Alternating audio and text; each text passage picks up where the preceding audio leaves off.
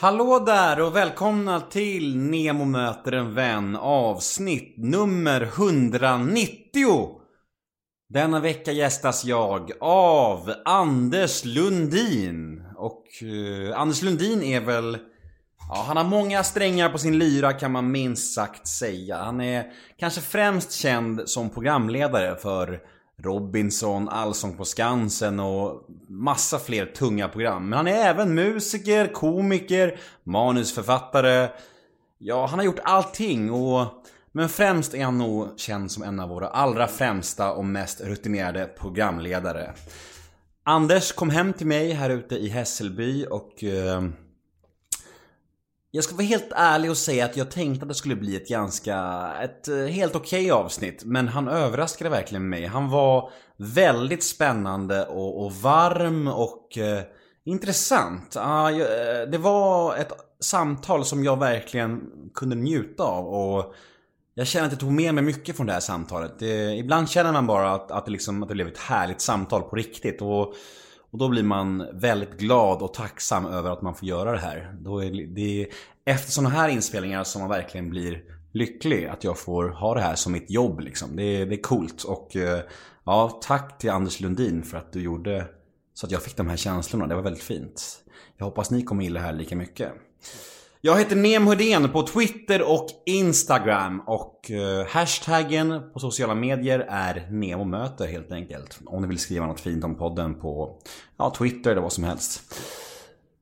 Ni får gärna gilla oss på Facebook. Nemo möter en vän heter vår sida där. Har du några frågor eller önskemål gällande podden eller vad som helst? Min stundande bok kanske? Eller var och när jag föreläser? Skicka mail till gmail.com Och min hemsida är www.nemohedén.se Där finns information om allt ni kan, ni kan tänkas veta. Eh, podden, föreläsningarna, min stundande självbiografi. Ja, allt ni behöver veta. För boken kommer ju som sagt den 28 oktober. Det börjar närma sig. Min självbiografi. Jävligt coolt, så håll ögonen öppna. 28 oktober är datumet. Och något mer då? Mm, ja, podden presenteras precis som vanligt av Radioplay och klipps av den fantastiska Daniel Eggemannen Ekberg. Men nog om mig. Dags för Nemo möter en vän avsnitt nummer 190. Gäst Anders Lundin. Rulla gingen. Nemo är en kändis, den största som vi har. Nu ska han snacka med en kändis och göra honom glad. Yeah! Det är Nemo är en kändis, den största som vi har. Nu ska han snacka med en kändis och göra honom glad. Yeah! Nu har du fått kaffe. Ja, det är viktigt. Annars går det ju inte. Nej, det går inte annars. Det är, det, är det jag sätter fram emot hela vägen hit. Ja, men... nu får man väl ändå kaffe. Ja, precis. Är det därför du kom hit? Ja, det är rätt mycket. Bara för kaffe? Och hela vägen till Hässelby. Vad stackare. Ja. Välkommen ut till Västerort. Ja, roligt att vara här. Jag, är, jag, har bott, ja, det är inte många hundra meter härifrån, på Aprikosgatan. Jaha. Mm. För min dotter börjar faktiskt på Aprikosen. Jaha, det förstår jag. Ja, ja. Som är en förskola som ligger på den gatan. Ja. Mm. Hon börjar i augusti. Ska hon börja där. Så där. Så vi har en koppling, du ser. Ja, du ser redan. Världen är du härifrån? Nej, det är jag inte. Eh, men jag fick barn här ute och då, ja. och då flyttade jag ut. Jag är från Södermalm och söderort och sådär. Så det var en omställning kan jag säga. Ja, det är konstigt. Jag tycker att jag är, jag är från andra, jag är från söderort. Och när vi valde då sidan stan så vill jag gärna att det ska vara söder om söder. Inte, fast jag har bott här så känner jag mig mer hemma. Jag tycker om namnen på tunnelbanestationerna. Ja, men verkligen. Ja, men jag håller helt med och jag jag, jag är kvar i det. Alltså, men vad gör man inte för, sina, för sitt barn såklart. Men samtidigt så, det är någonting med, med Skärva Brink och Enskede, ja. Enskede Gård och så här. Ja. Jag älskar det alltså. Ja, ja Salzborg. Vad fint. Blå, blås ut. Ja, vad konstiga namn. Men på den tiden så var det sand i Sandsborg. De hade, tror jag, de hade röjt bort ett koloniområde, kolonistugor. Mm. Och skulle ha byggt ett jättelikt sjukhus, tror jag. Som de inte gjorde. Och sen så var det bara en sandhög där folk körde motocross och sådär. Mm. Så det, var, det, det, det, det kan ju inte haft med det att göra. Men det hade med sand. Och blåsa ut var ju gå, varför heter det det? Hela barndomen, vet du. Varje, varje ställe undrar Gubbängen. Ja, det är gubbar här. Ja. Största frågorna i livet. Varför ja. heter blåsa ut, blåsa ut? Ni kan mejla mig på gmail.com om ni ja. har svaret. Ja, det är faktiskt, det vill man höra. Ja. Eh, Neo möter en vän med Anders Lundin. Vi har- Jag skrev lite, jag skrev lite mm, titlar på dig här. Programledare, artist, komiker, skådespelare, textförfattare. Vad eh, har jag glömt? Eh, nej, det, det där ringar väl in rätt så bra. En klassisk mångsysslare. Jag tror att jag alltid velat vara... Det är precis vad jag ville när jag var liten. Att jag skulle bli en mångsysslare. Om Det, det ja, låter ju som drömmen lite grann. Att, få, att liksom få kombinera så mycket Ja. kul liksom. Ja, jag, jag trodde att det var, fanns ett egenvärde i det och blev hemskt sårad någon gång när, när någon har sagt det, det går att vända på det. Kan, kan lite om mycket. Mm. Jaha, var det så det blev? Det var inte, det var inte, jag tyckte att det var bra att jag kunde mycket. Ja, jag tyckte det var bra att jag kunde lite om mycket. Fast om du kan lite och mycket så är det ganska bra jobbat att ha lett liksom, Sveriges största program. Ja. Ja, ja, ja. Ja, Det är godkänt. ja det tycker jag. Hur, hur mår du? Hur är läget? Du ser ganska välmående ut, tycker jag. Jag har, vi har precis avslutat Allt för Sverige-inspelning som är ju då intensiv och underbar. Och min period på året, då har jag jobbarkompisar och en del i ett, i ett kollektiv. Att jag gillar det här att man är som en cirkus som kommer till en plats och slår upp tältet och så strömmar alla iväg på sina uppdrag och kommer tillbaks på kvällen och berättar vad som har hänt och att man är med i det här. Det är väldigt roligt. Och det är det jag har fått vara med om då, en månad. Och, men också att det är första gången, jag brukar vara väldigt ledsen Sen någon dag efteråt, som man ju blir efter en period med mycket folk och så plötsligt så blir det någon post production depression. Men den här gången så tyckte jag nog att det var rätt skönt att vakna imorgon och inte behöva kunna behöva lära sig någonting utan till på engelska, som man ska försöka säga. I lite så här motvind och kallt och munnen inte kan forma alla de där konstiga ljuden. Det var Va- skönt. varför brukar du känna sorg? Är det någon slags tomhet? Ja, ja. ja men jag, jag tror att det är, det är är post, postproduktionsdepression. Det finns ju. Och att det är intensivt. Och det, och det är socialt är det otroligt eh, roligt. Att det är så mycket folk och att eh, man har en, en tydlig uppgift i det där. Och att man kan high-fivea. Åh, vad bra det gick. Eller vad gör vi nu? För nu går det dåligt. Och man, man är del i den här cirkusen. Det är nog rätt bra liknelse faktiskt. Att det är det det är. Fan, jag, jag har gjort den här podden live några gånger. Ja. Inför publik så här, Ja. och med gäster och så här. Och då har jag alltid känt efter de live-giggen en otrolig tomhet. Ja. Att Det har varit så jävla euforirus av att Ja. träffa lyssnarna Ja. så här. Och sen Ja. efter har jag känt som fan vad jag känner mig låg efter. Ja. Det kanske är något liknande då. Ja, det tror jag. Och det, det är liknande en annan. Det är ju att överhuvudtaget göra ett gig och ett framträdande sådär. Mm. Och ha nervositeten och... Anspänningen. Ja. Och sen finns det ju ingenstans att ta vägen efteråt. Det, det bara... Det är ju som det är. Det är över. Nu vart det tomt. Men finns det några lyckorus i livet som inte ska innebära en jävla tomhet efter? Det är ju helt meningslöst. Måste det vara så? Oj. En stor fråga kanske. Det vet jag faktiskt inte. Kanske, Eh, kanske få barn. Ja, men då är man ju livrädd för den dagen de flyttar hemifrån. Att man inte ska tycka att de, att de ska göra det. Vi kommer till det Anders, vi kommer till det. Ja. 59 år gammal. Ja. Ung. Ja, Du, du måste ändå säga det. Alltså, det här är inte för att, slicka röv på något sätt. Du, du ser väldigt ung ut tycker jag. Tack. Det är roligt att höra ändå. Ja. Vad bra. Ja. Eh, har du någon slags åldersnoja? Eller? Ja, jag tycker just 59, så det, det är klart att, att det, det är lite obehagligt sådär. Och, Tänker du på det mycket? ja, men reflekterar lite mer än vanligt, det gör jag, över att liksom... Vad konstigt ändå. att, eh, att, att, bli, att bli 60, det är ju... Det är liksom svårt att föreställa mig, mig, mig i, den, i den siffran. Och jag känner mig väldigt... Det är, det är väldigt lite skillnad inuti mig än, än vad det har varit förut. Jag har inte märkt att, liksom, att man plötsligt har gå liksom grått hår, en hatt och, och liksom käpp eller vad det nu är man föreställer sig att ska hända. Men jag tycker... Det är, ibland är det nära. Nu är jag här. Här sprang jag omkring när jag var 20. Det är liksom, på ett sätt är det inte så länge sedan. På annat sätt så är det ju jättelänge sedan. Men det är inte mycket som jag känner har ändrats inuti mig. Och därför är det konstigt att identifiera sig med en siffra som är så mycket, mycket högre än den man själv upplever. Skulle du kunna säga vilken ålder du känner dig som då? Ja, vad kan det vara? Ja, det måste vara så här 38. Vi säger det. Ja. Det får vara det idag. Ja. Mm.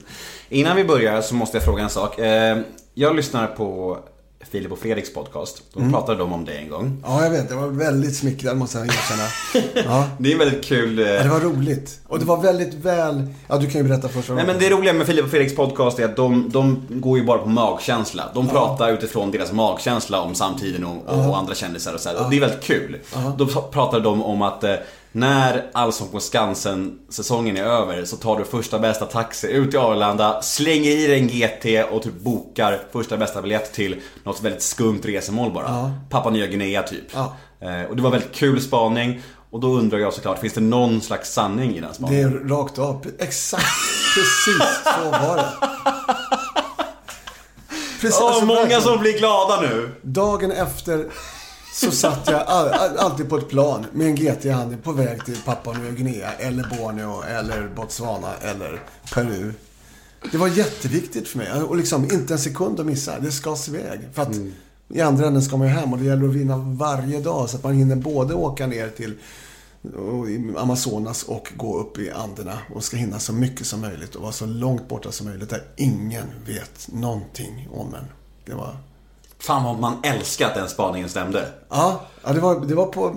Allt var på, jag skickade en bild på dem när jag sitter på planet med en GT i handen på väg till Papua Nya Guinea och sen en bild när jag är på Papua Nya Guinea. Gjorde du det? Ja. Vad sa de då? Nej, de skrattade så här, haha, glada gubbar och så här. Det är så underbart att en spaning stämmer. För man, Ja. vet, man vet att, att, att Filip Hammar har typ så här 90% spaningar som är på hans, som han önsketänkande liksom. Ja, ja. Hopp, hoppas det är så. Ja. Eh, Men nu fick vi det bekräftat, det var väldigt ja, härligt. ja, det var väldigt roligt. Ja. Eh, Men är det så att du, att du sticker iväg för att du tycker offentligheten är så pass knepig eller? Nej, det tror jag inte egentligen. Utan det, var nog, det är en annan dröm att vara en eh, äventyrare, en resenär, liksom, en, här- en Tintin-figur som plötsligt dyker upp i, i Kongo eller vad det nu är, eller i Tibet eller så. Så de har jag just varit på platserna, så det kanske är mer Tintin jag förstod för, fram till nu. Men jag ville verkligen vara någon som har varit på de här platserna och det kändes jätteviktigt för mig att beta av dem och det har alltid handlat om national, alltså om, om djungler, om natur. Och sen tror jag inte det var så mycket... Det är spännande att vara, att vara bara, att inte vara, ha några förutfattade meningar i de, med de människor man, man möter. Utan att man bara är en ny människa så får man ta sig, ta sig fram därifrån. Det är ju, tyckte jag var, var roligare än att folk kommer fram och frågar om det ska bli allsång nu. Eller vad det var det nu var. Så. Och så om de säger, vi säger att du är, vi säger att du är i Papua Nya Guinea och, och de säger What do you do for living at home? Säger du I'm a TV star? Då? Nej, eh, de frågar ju just på Papua Nya Guinea så frågar de ju sällan det. Nej. Eh, ja, men det är svårt. Du var inne på det. Det är svårt. Man är väl en... eh, Man jobbar med TV eller man säger väl... En enter- entertainer. Act, actor har jag kört någon gång. Men det, jag tror jag, det är väldigt sällan de frågar den frågan. Den är långt... Den, det frågar man andra som reser kanske sådär. Men nej, inte ens det. Det är det som är så skönt med att resa. Just det. Det var det jag upptäckte på den första långresan. Att det handlar om where have you been and where are you going. Det är de två. På samma sätt som vi i Sverige frågar. Ja, vad gör du annars då? Vad jobbar du med? Så ska man veta det. När man är ute och reser så är det ju var har du varit och vart ska du? Och sen tävlingen vem som varit ute längst. Jag har varit ute i tre månader. Ja, ja du, jag började för två år sedan. Alltså, Ah, då vinner man. Ja. Det finns folk som bara liksom reser konstant. Ja, Liksom. det finns ju de som gör den där resan, alltså typ israeler som just har slutat militärtjänstgöring och som sticker de iväg i ett och ett halvt år. Eller australiensare som upplever att de bor så långt bort så ska de ut och resa sig lika bra att göra hela jorden på en gång. Så tycker jag är två, två nyckelgrupper av långresenärer. Men vad härligt ändå att du och din fru har en relation att du bara får sticka iväg sådär med barn och sådär ändå. Alltså det, Ja, nu ska vi dämpa oss lite. Att det här var ju då eh, fram tills jag fick barn. Ah, ja, ja, jag Så- förstår. Och det hade jag ju inte på halva, halva allsångsperioden så hade jag inte mer än över halva. Ah, okej. Så att när bör, det kan man ju säga att det förändrades ju drastiskt. hade, det gått, hade det gått idag? Jag tror inte jag hade velat. Nej, bra svar. Det var helt rätt svar. Tack. Får jag gå- får jag gå nu? Du har kaffe kvar, drick upp först. Hur var kaffet förresten? Ja, vad bra. Det var Jag, det. jag tycker annars inte om när det är... Jag vill ju ha vanligt svart kaffe. Ja. Som man gör i så här, bryggare. Ja, ja. Och sen när de börjar heta konstiga saker på medelhavsspråk, då tycker jag att det är fjompigt. Mm. Och att det blir för lite. Det här var ju bara 2-3 centimeter kaffe i botten på en skitstor mugg. Alltså grejen det är bara bra för att nu, nu, nu fick min kaffe, min, vad är det, espressomaskin. Fråga inte mig. Den fick komma till användning första gången på typ ett halvår. De är ju bort utdömda, de där ampullerna där i plast eller vad det är. De är ju helt utdömda miljömässigt för övrigt, Ja. bara så att du vet. Det här är ju liksom... kan ju lika gärna köra en gräsklippare på tomgång året runt som att göra en kopp kaffe med det här. Hur fan skulle du försöka shamea mig här? Hänga ut med min egen podd? Ja. Ja, jag fan. jag gjorde det. Jag som hade liksom Miljöpartiets partiledare häromdagen i Ja, vad, podden. vad sa... Ja, det går... Mm. Ja. Fast det var, det var inte här kan jag säga. Ja, Okej, jag förstår. Det hade aldrig hållit. Nej, det hade inte. Nej. Du, eh, jag tycker det är väldigt kul att ha gäster som jag, man har växt upp med. Jag har växt upp med Ja, just det. det ja, vad roligt. Den generationen är jag i. Jag Ja. har ju, liksom, du har ju alltid varit på TV framför mig. Eh, och eh, vi har en familjechatt. Mm. Eh, jag och min familj, vi är åtta stycken, vi är en stor familj, åtta pers är vi. Mm. Och vi har en sms-tråd där vi smsar fram och tillbaka så här klipp och, Mm. dagligen. Och igår, så av en slump så skickades, in i tråden så skickade pappa tror jag Nöjd, nöjd, nöjd.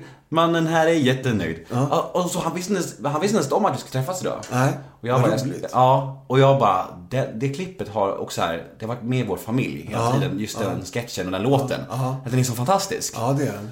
Och just, för, bra. och just för att eh, jag har det här, det blir lite smalt och lite internt kanske just nu för att eh, alla känner inte till det. Men jag måste ju fråga dig om den låten. Hur kom, kom den till och... Ja, men det, det var roligt. Den frågan har jag inte fått, så jag utvecklar gärna det. Ja men kör. Eh, bakgrunden till hela känsla-bitar var ju att jag och Putte, Lars Beto, eh, hade jobbat ihop med barnprogram där man får göra saker om, man ska lära barnen vad för saker, alltså tyngdkraft, tyngdlagen och mycket naturvetenskap och, och de ska kunna matte och allt möjligt. Så tyckte vi att men det viktigaste livet är ju att ha kontroll över sina känslor. Så vi ville göra någonting om, om känslor istället. Så då gjorde vi Eh, en serie låtar som heter Arg och Ledsen och, och, och då även Nöjd.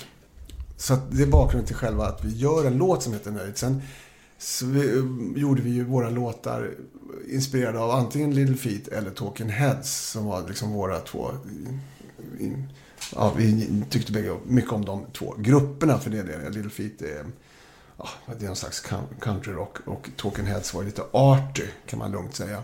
Och det här är ju då väldigt mycket Basgången är faktiskt en... eh, Ride your pony. Så det är en eh, soul. Men sen så vill vi ha eh, mer David Byrne. Då blir det ju att han står... David Byrne, som han, sångaren i Talking Heads heter, han mässar ju gärna. Så det gjorde vi också. Så den är lite mässande precis som på en David Byrne-låt. Och sen är det att vi går upp en, en liten ters till refrängen. Det är också något så här Talking Heads. De bara plötsligt bara byter tonart ut. Inget ackord, inget som leder eller något utan bara går upp där. Så det, är, det är väldigt mycket Talking Heads. Och det är ju också i videon är det är ju som väldigt inspirerat av David Byrne och Talking Heads. Var det svar? Var det...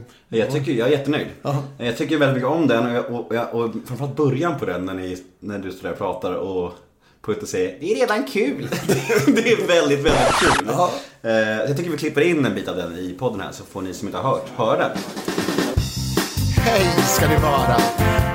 Och välkomna till klubben för alla oss som är nöjda. Det är redan kul. Det var roligt att höra. Här är en ny medlem som vill presentera sig. Varsågod! Jag är så glad, för jag är nöjd. Om man är nöjd så är man glad för man är nöjd. Och jag är glad, för jag är nöjd.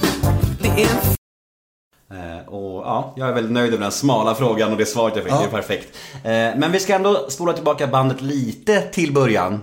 Till barndomen, back to scratch. Eh, Om du ska kolla på din, eh, din uppväxt, hur ser du på den idag? Och har, har ditt perspektiv till din uppväxt och din barndom ändrats? Alltså när du kollar på det idag och typ när du var 30 år, förstår du vad jag menar? Har det ändrats dina, dina tankar om din barndom och din uppväxt? Förändras väl, man, i och med att man får barn själv så jämför man ju sin egen barndom och vad man upplevde som framförallt lyckligt i den. Och som man då vill att ens egna barn också ska göra. Så att jag var ganska, ganska mycket ensam ändå. Det var, det var inte stora samlingar barn omkring mig. Jag hade en bästis tills jag var sex år. Sen flyttade vi. Sen kom jag på kant med, med, med det nya. Vi flyttade till, från Farsta till Farsta strand, så det var inte så dramatiskt. Men jag kom, jag kom inte in i det nya eh, gänget liksom. Inte heller att jag var uttalat utanför. Jag, kom bara, jag var bara liksom... Om de första fyra alternativa kompisarna inte kunde den dagen, då var jag med på listan. Mm. Så jag, jag hade rätt mycket tid själv och det var, tyckte jag var väldigt utvecklande för mig. Jag, jag tyckte lite synd om mig själv för jag visste om det, men samtidigt tyckte jag att det var lite bluesigt och fint. Sen var jag väldigt mycket sjuk när jag var liten, som nog bidrog till det. Jag var hemma väldigt mycket från skolan.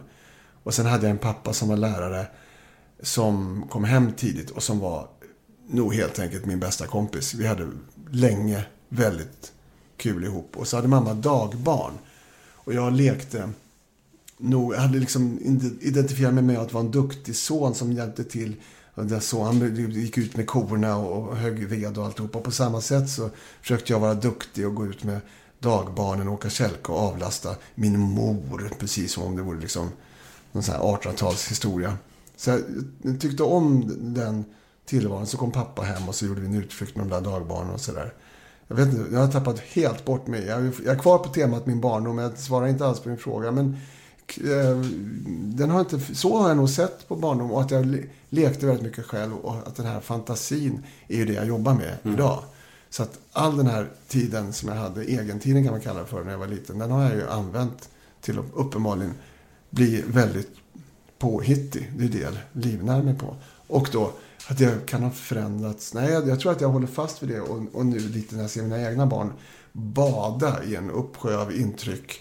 Så tänker jag, är det här verkligen bra? Behöver man inte det här vara själv, inte ha så mycket möjligheter och inte ha kompisar jämt och vara uppkopplad mot dem hela tiden. Vad händer då med, med hjärnans förmåga att uppfinna? kan jag bli orolig för. Alltså jag vill bara förtydliga att du får mer än gärna sväva iväg. Ja, det kan, det har, du- då har du rätt kille mitt emot det. Ja, men det är just det som är fina med podcast som fenomen. Att, att, att vi har tid liksom. Du får gärna prata om vad du vill. Alltså, för Jag tycker bara det är kul att höra om ditt liv. Ja, jag tror att det korta svaret är på frågan om jag förändrat syn på det. Nej. Precis. Det blir bara ja och nej-frågor nu. Men du sa att du var sjuk. Ja, Berätta. mycket allergi och eh, astma och eh, eh, skulle undersökas och eh, var, pip i luftrören hade jag väldigt mycket och eh, det kliade överallt och sådär. Och det var nog väldigt oroligt för föräldrarna och och det var mycket, men sen var åkte ju till sjukhus regelbundet och ibland så sa doktorn, jag tror vi får behålla dig. Och så fick man vara kvar på sjukhuset och ibland var det lite längre och ibland var det kortare och ibland fick jag inte gå till skolan för att det var för luftfuktigt. Jag pep i luftrören och sådär. Så, och det tror jag absolut har format mig. Dels en lit, lite så här, som i en Astrid Lindgren-saga, den, liksom den här pojken som sitter och tittar, mamma pappa går iväg till jobbet och sitter själv med en tår i ögat i fönstret. Den bilden älskar man ju. Och vill, en del av en vill ju vara den där som alla tycker synd om. Så lite grann tror jag att det finns något lite så här, så jag kunde lite grann tycka synd om mig själv och gotta mig i det. Jag förstod liksom att det var lite bluesigt och gillade det. Men man blir inte mer överbeskyddande för att man själv har varit sjuk då, eller? Ja, det... Nej, jag tror inte... Nej, inte mer. Jag är liksom sådär som föräldrar nu för tiden är. Liksom, De får... Allt det som jag fick får inte de göra. Ja. De får inte lämna hemmet utom synhåll förrän de är 13 år och Julia ska ha hjälm på sig och ha liksom fotboja så man vet vad de är. Det, Men du var enda barnet. Ja, det kan man säga. Jag har en syster som också bor här, bara typ ett stenkast bort. I eh, Västerort. Ehm, hon kom när jag var nio år, så att i, praktiken, jag är ju själv. Men helsyskon? Ja. Ja, okej. Ja. Har ni någon kontakt? Ja. Ja. Yes, det är hon, ja, det är min käraste vän, bortsett från. Så du är här ute mycket, alltså du säger inget till mig? Det. Ja, jag är här mycket. Jag kommer ju åka raka vägen och hälsa på min farsa nu efter det här. Jaha, du kommer Ja, det? ja. Ja, vad mysigt. Ja. Två flugor i en smäll. Kan man säga. Ja, vad fint. Så är det, jag skulle, så är det absolut. Jag åker ingenstans utan att se till att det finns liksom en, något annat jag kan göra på vägen. Supereffektiv. Ja, ja. Ja. Ja. Ja, men det är bra. Ja, Kanske därför du aldrig får stresspåslag, för att du alltid så här planerar så jävla bra. ja, ja men, jag är dålig. Ja, men så är det. Jag vill att det ska vara planerat och passa på på vägen. Då kan man också, ja men lyssna på vad ska, vem kan ringa på vägen? Så det har jag betat av också. Jag har gjort jobbsamtal på vägen ut hit. Fan, alltså, du får lära mig sen innan, innan Nej, du det går. är det. Jag har förstått att du, du upplevt att du är lite stressad. Så att, eh, jag ska inte lära dig. Nej. Jag trivs med det. Ja, Det, det är det. Att jag, jag tycker att det är Say hello to a new era of mental health care. Cerebral is here to help you achieve your mental wellness goals with professional therapy and medication management support. 100% online. You'll experience the all new Cerebral Way, an innovative approach to mental wellness designed around you. You'll get a personalized treatment plan from a therapist, prescriber, or both in a safe and judgment free space. Your Cerebral therapist or prescriber will outline a customized plan with clear milestones along the way so you can get to feeling your best. With Cerebral, you're not alone in your mental health journey. We're here to empower you to live a fulfilling life. So take that first step towards a brighter future and sign up today at cerebral.com slash podcast and use code ACAST to get 15% off your first month. Offer only valid on monthly plans. Other exclusions may apply. Offer ends July 31st, 2024. See site for details. Det är väl hela skillnaden. Mm. Och sen är det också, tror jag, om man känner att man har kontroll över det och bestämmer själv. Eller att någon har hängt det på det än. Det, är ju, det är ju hela skillnaden av stress. Om jag vore anställd och någon skrek på mig att jag skulle hinna med allting. Då blir stressen annorlunda än att jag innerst inne vet att jag har valt att sätta mig i den här skiten själv. Ja men precis, och det är så här, vi snackade om det lite innan vi satte igång eh, poddmaskinen här. Maskinen, låter som att det är 1800-tal. Eh, nej men alltså att jag har känt mig stressad och lite utbränd tendens den senaste tiden. Och jag har ju alltid sagt att att vara egen företagare och göra sina egna grejer är så skönt för då sätter man sitt eget schema. Man bestämmer hur man jobbar. Men det, blir också så att man konstant jobbar på något sätt. Eh, och det är ju det som jag tror jag måste ha, arbetstider liksom. Är du bra på att komma hem? Inte? Nej. du behöver inte arbetstider Nemo. Ja, Jag är jättedålig på det. Jag vet inte vad du är, men jag är dålig på det. Jag, har, jag, liksom, jag går inte upp klockan fem och jobbar till ett fast klockslag och tar lunch på och slutar. Utan mm, jag jobbar nog. Jag gör ingenting annat. Jag har liksom ingen, ingen hobby sådär. Utan det- Jo, GTs. Va? GTs i flygplan. Ja, ja men det är, det är, inte, det är inte många. Och det, den är, det var mer förr i tiden. Ah, ja, ja. Ja. Nej, så att, så att, eh, och det, sen är, håller man på med, med barnen och sådär och spelar fotboll eller man gör pärlplattor eller vad det nu är. Men så, så fort de har lagt sig så är det ju på, fram med datorn igen och göra någonting. Jo men precis, och jag avundas dig att du, att du klarar det. Jag, min, min terapeut sa till mig så att eh, du skulle nog behöva skapa dig arbetstider, att du jobbade som kontorsfolk gör och sen koppla bort jobbet. För du, har, du är konstant påslagen och det är där din stress kommer in.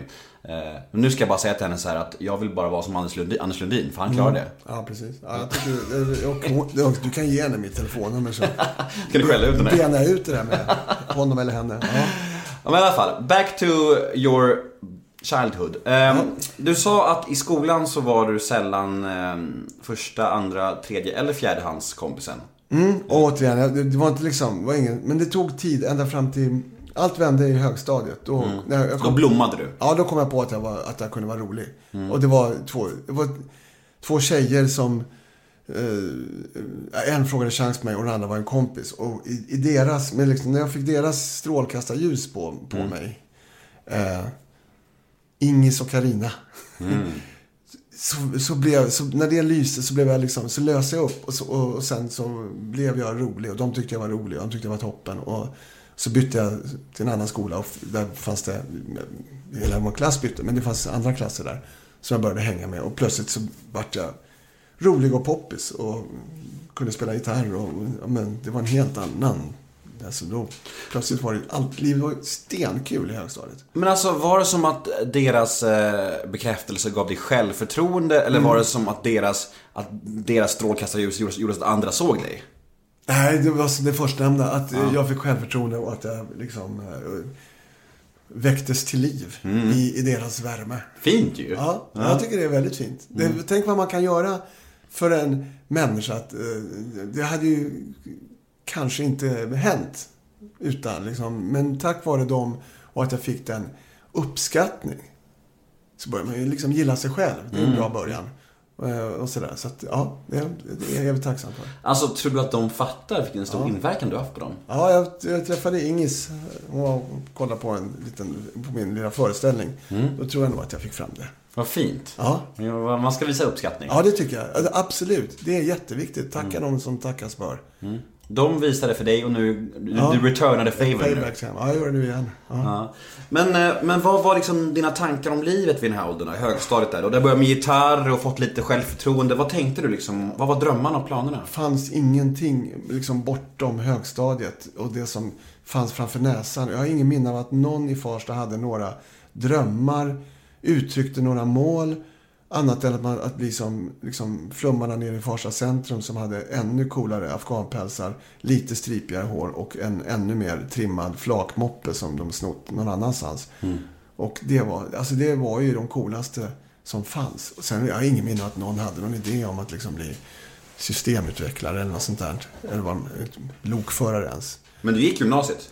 Ja, tack vare pappa. Eh, Så jag ville ju sluta, för det tyckte jag, så upplevde jag att det är det man gör. Man liksom, man, jag hade ju kompisar som slutade efter åttan därför att det var för, för, liksom, för bråkigt där i Farsta. Så att gå nian, det var ju, tyckte jag, det var ju jättebra. Så efter, efter det, då ska man spotta nävarna och göra rätt för sig. Jag vet inte varför. Jag kommer ju absolut inte från en verkstadsfamilj. Eller så, jag vet inte varför. Men jag umgicks med folk där de värderingarna fanns. Liksom ett slags högerrött. Både och. Då skulle man sluta och så skulle man börja jobba. Och jag, och jag, vad skulle jag, vad kunde jag, vad skulle jag ha jobbat med? Jag var ju helt dum i huvudet. Men, men jag var inte alls inne på, och skulle jag gå gymnasiet skulle jag gå så kort som möjligt. Men nu kom jag inte in, det var ju högre betyg på att komma in på de tvååriga utbildningarna tror jag, än på de treåriga. Och så, Vad sökte du? social tvåårig hette det på den tiden. Och så kom jag in på samhällsvetenskaplig också. Flyttade vi hit till Västerort. Och så bröt jag med hela Farsta som då framgått kanske mellan raderna var, var en lite stökigare tillvaro. Med, det var ju en tvättäkta problemort. Och så flyttade jag hit ut och sen är ju förvandlingen att börja gymnasiet när alla som heter Ubbe, Månkan, Stönet och Pitten. De, Stönet. Det är fan det bästa namnet jag har hört. De, är, de, är, de går inte. Och plötsligt heter alla Ann-Charlotte och, och liksom Claes-Henrik och har på sig blazers och kammat hår. Det är en helt ny miljö. För alla, Ja, ja, ja. alla här har bott i radhus. Ja. Men när flyttade du? Hur gammal var du då? Då var jag 16. Hade du börjat stöka då? Rökt braj och sådär? Det var ju, eh, stor del av det var ju avklarat i far, under Farsta-perioden. Men Mm. sen klarar ju gymnasiet kvar där man liksom kan gå in och ut i olika världar. Mm, Så. Jag var ju, tillhörde ju den mycket blygsamma men ändå proggiga skaran som möjligtvis fanns Mm, i Vällingby gymnasium.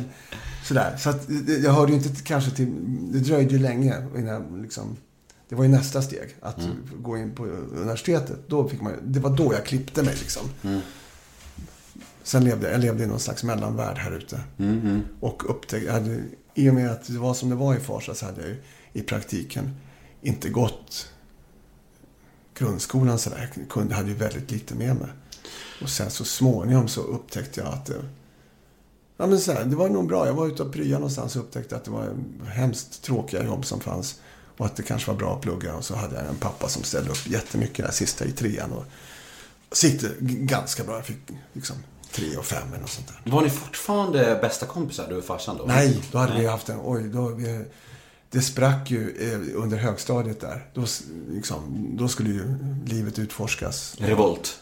Ja, det var det. Alltså, man hängde ju med kompisar som hade helt andra eller inga regler alls hemma. Och, s- och, s- då- och det var ju på 70-talet så, så att det, var, det, man, det gick ju att driva sina föräldrar rätt långt och få ganska stor frihet.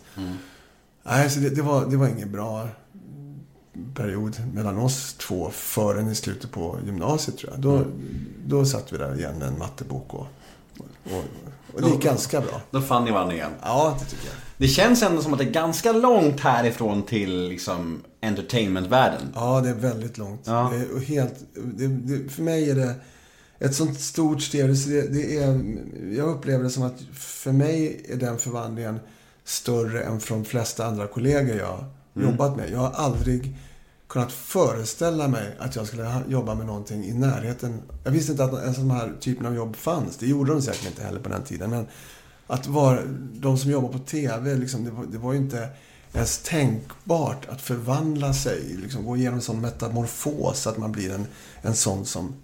Det är jätte, jättekonstigt och stort för mig, den promenad jag har gjort. Jag upplever den som otroligt lång och att jag också, åtminstone början, hade väldigt stor respekt för att jag fick jobba där på Sveriges Radio i början.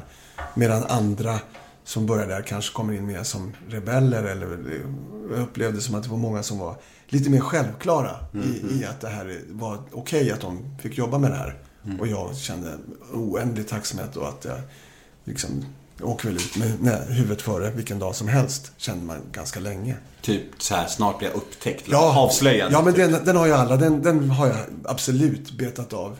Och, och så. Men jag tror också att jag hade en känsla av att alla andra hade en bakgrund som jag hade missat. Att de hade allt från bordsskick, liksom, vad gör man med vilken hand håller, håller man gaffeln i? Och, eller den ska upp och ner och allt det där. Som jag medvetet då skiter i. Och liksom, jag har ju vägrat ha slips och liksom alla sådana här markörer på ett ordnat liv har jag så länge som möjligt vägrat därför att jag inte känner mig inbjuden och bekväm i det. Det känns som att det är... Att jag kommer... Det kommer att synas att jag har satt den upp och ner ändå. Då kommer alla ändå att skratta och då vill inte jag vara med i det överhuvudtaget. Ja, men det, någonstans har jag känt som att mitt avstånd var lite större. Och det har tagit tid att försonas med det och liksom sluta göra det till någon pryl som det inte längre är. Det låter nästan som någon slags dålig självkänsla i det där. Att det här med bara... Nej, inte självkänsla. Det tror, jag tror att det är det jag har. Ja, jag ja. gillar mig själv. Eh, Och passar inte galoscherna så går jag hem. Okej, du är Och, pass... och liksom, ja. det tror jag alltid. Jag har aldrig, aldrig låtit någon trycka ner mig. Det, då, det löser jag på ett eller annat sätt. Däremot är det väl självförtroendet då som, som, är, som är, har tagit tid. Och det, men det tycker jag också att man måste någon gång ge sig med. Man måste ge, liksom, mm, ändå, man måste ju titta tillbaka upp det. Fan, allt det här har jag gjort. Nej, men nu måste jag ju inse att jag ändå är bra. Så att det, det tyckte jag att jag släppte någonstans på vägen med att tro att jag inte var bra. Och även det här lite självpåtagna martyrgrejen att man kommer från någon, någon annanstans och, och sådär. Det, det får man också ge sig med. Då får, liksom, hur svårt kan det vara att knyta? Jag kan i och för sig inte göra det fortfarande. Men om jag, skulle pa- vilja det. jag passar inte in. Uh. Ja, så tror jag nog att jag skulle kunna lära Ja, mig jag det. fattar, jag Ja. fattar. Men alltså, hur många år var det här från, från gymnasiet tills du liksom eh, började med TV? Är det, är det, är det någon...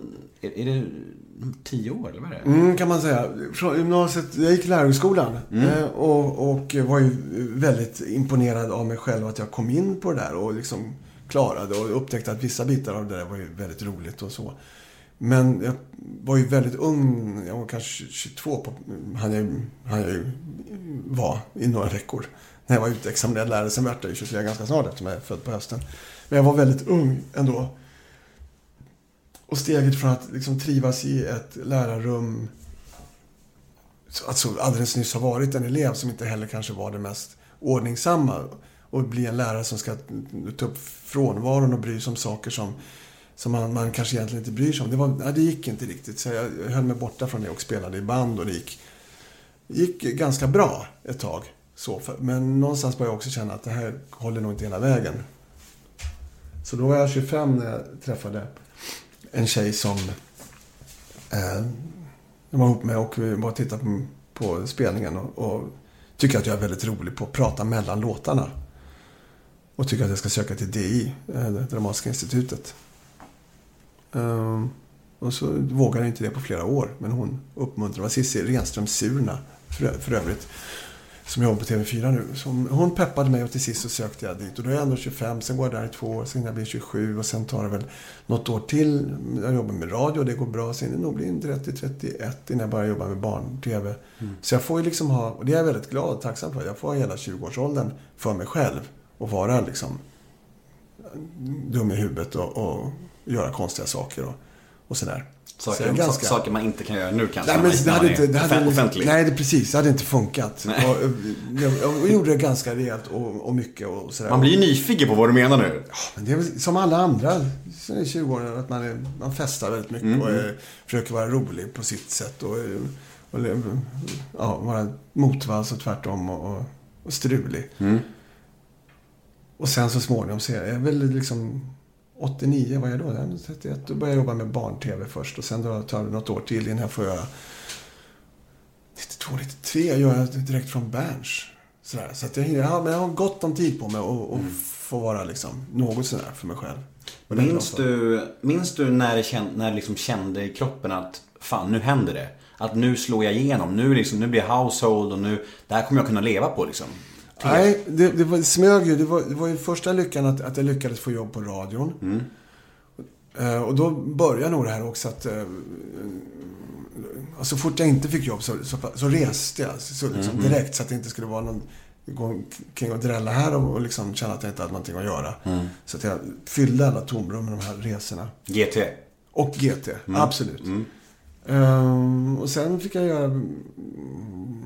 Det gick ganska bra på radion. Jag fick göra ett uh, Glädjetåget som var ett väldigt uppskattat humorprogram. Som jag jobbade med i kanske fyra år, tror jag. Tre, fyra år. Som fick pris och allt möjligt. Och skrevs, det skrevs i tidningar. Vi var poppis. Så det var ju fantastiskt. Då började jag nog känna att liksom, ja men, det här rullar väl på. Och sen fick jag, mm, jag fick jag Sommartoppen. Det var ju också, då vart man ju lite mera, ännu mer liksom inne i någon slags bransch. Och sen fick jag göra barn-tv. Då började folk känna igen mig på Skansen och var ute med skolklasser. Och sen gjorde jag väl direkt från Berns som var ett slags eh, Måndagsbörsen, ett liveprogram med musik. Och, Skolklasser? Ja, det var, alltså, I och med att jag var ju barn, eh, gjorde barnprogram. Då, Mm. alltså, var, då, då kände ju alla upp till sex år och deras mammor igen mig. Ja. Och sen när jag gjorde direkt från Berns, då började tonåringar känna igen mig. Och så här, så det gick väldigt pö om pö. Mm, sen bet av hela spektrat. Ja, sen tog det tid innan man... Lördagsunderhållning, då liksom... Mm. Ja, då, då någonstans är man väl... Men sen har jag ett minne av att jag... Jag tror att det är... Att jag har bestämt mig för att... Jag har ju sagt nej. Jag var lite krånglig och ska vara lite smal och, och man ska inte göra, sälja ut sig och så här. Men jag vet inte om det är att jag tackat nej, tackat ja till att göra Bullen. Och liksom skrivit på ett kontrakt som, som ändå, det är liksom ganska bra pröjs. Och tar en och har köpt kläder och tar en taxi. Och sitter med, med kassakläder och så här tänker och shit, jag har nog råd med det här också. Fan vad trevligt. Det kan vara ett sånt ögonblick när jag tänkte att det här, ja men det här är ju roligt. kanske ska få hålla mig kvar och jobba med det här ändå. Jag tror jag hade en... Jag vågade kanske inte tro att jag skulle få jobba med det här och därför hade jag en plan att en dag sluta jag och göra någonting annat. Jag trodde nog kanske så att jag skulle kliva av någon gång. Och sen gjorde jag inte det. Jag har gjort det några, jag har gjort några pauser sen jag trott att det var över. Men det kommer aldrig att vara Anders. Det kommer aldrig vara över för mig. Exakt. Slänger vi in lite Håkan också, referenser här. Ja. Men det var väl egentligen, det var väl i Robin som, du blev, eh, alltså, superkänd i Sverige? Kan man säga det? Ja, det kan man nog. Jag gjorde, det var väl, jag gjorde, det kommer mera. Ja, just innan. Eh, Och då, då var man väl så här, så att man... Du och, eh, säg inte, säg inte vem du gjorde med. Jag kommer kom, kom ihåg det här. Det är för det är för fan min barndom. Ja. Var det Martin Timell? Det kan inte Arne Hägerfors? Ja, Åh! där. Andra försöket! Ja. Mm, Ja, bra. tack.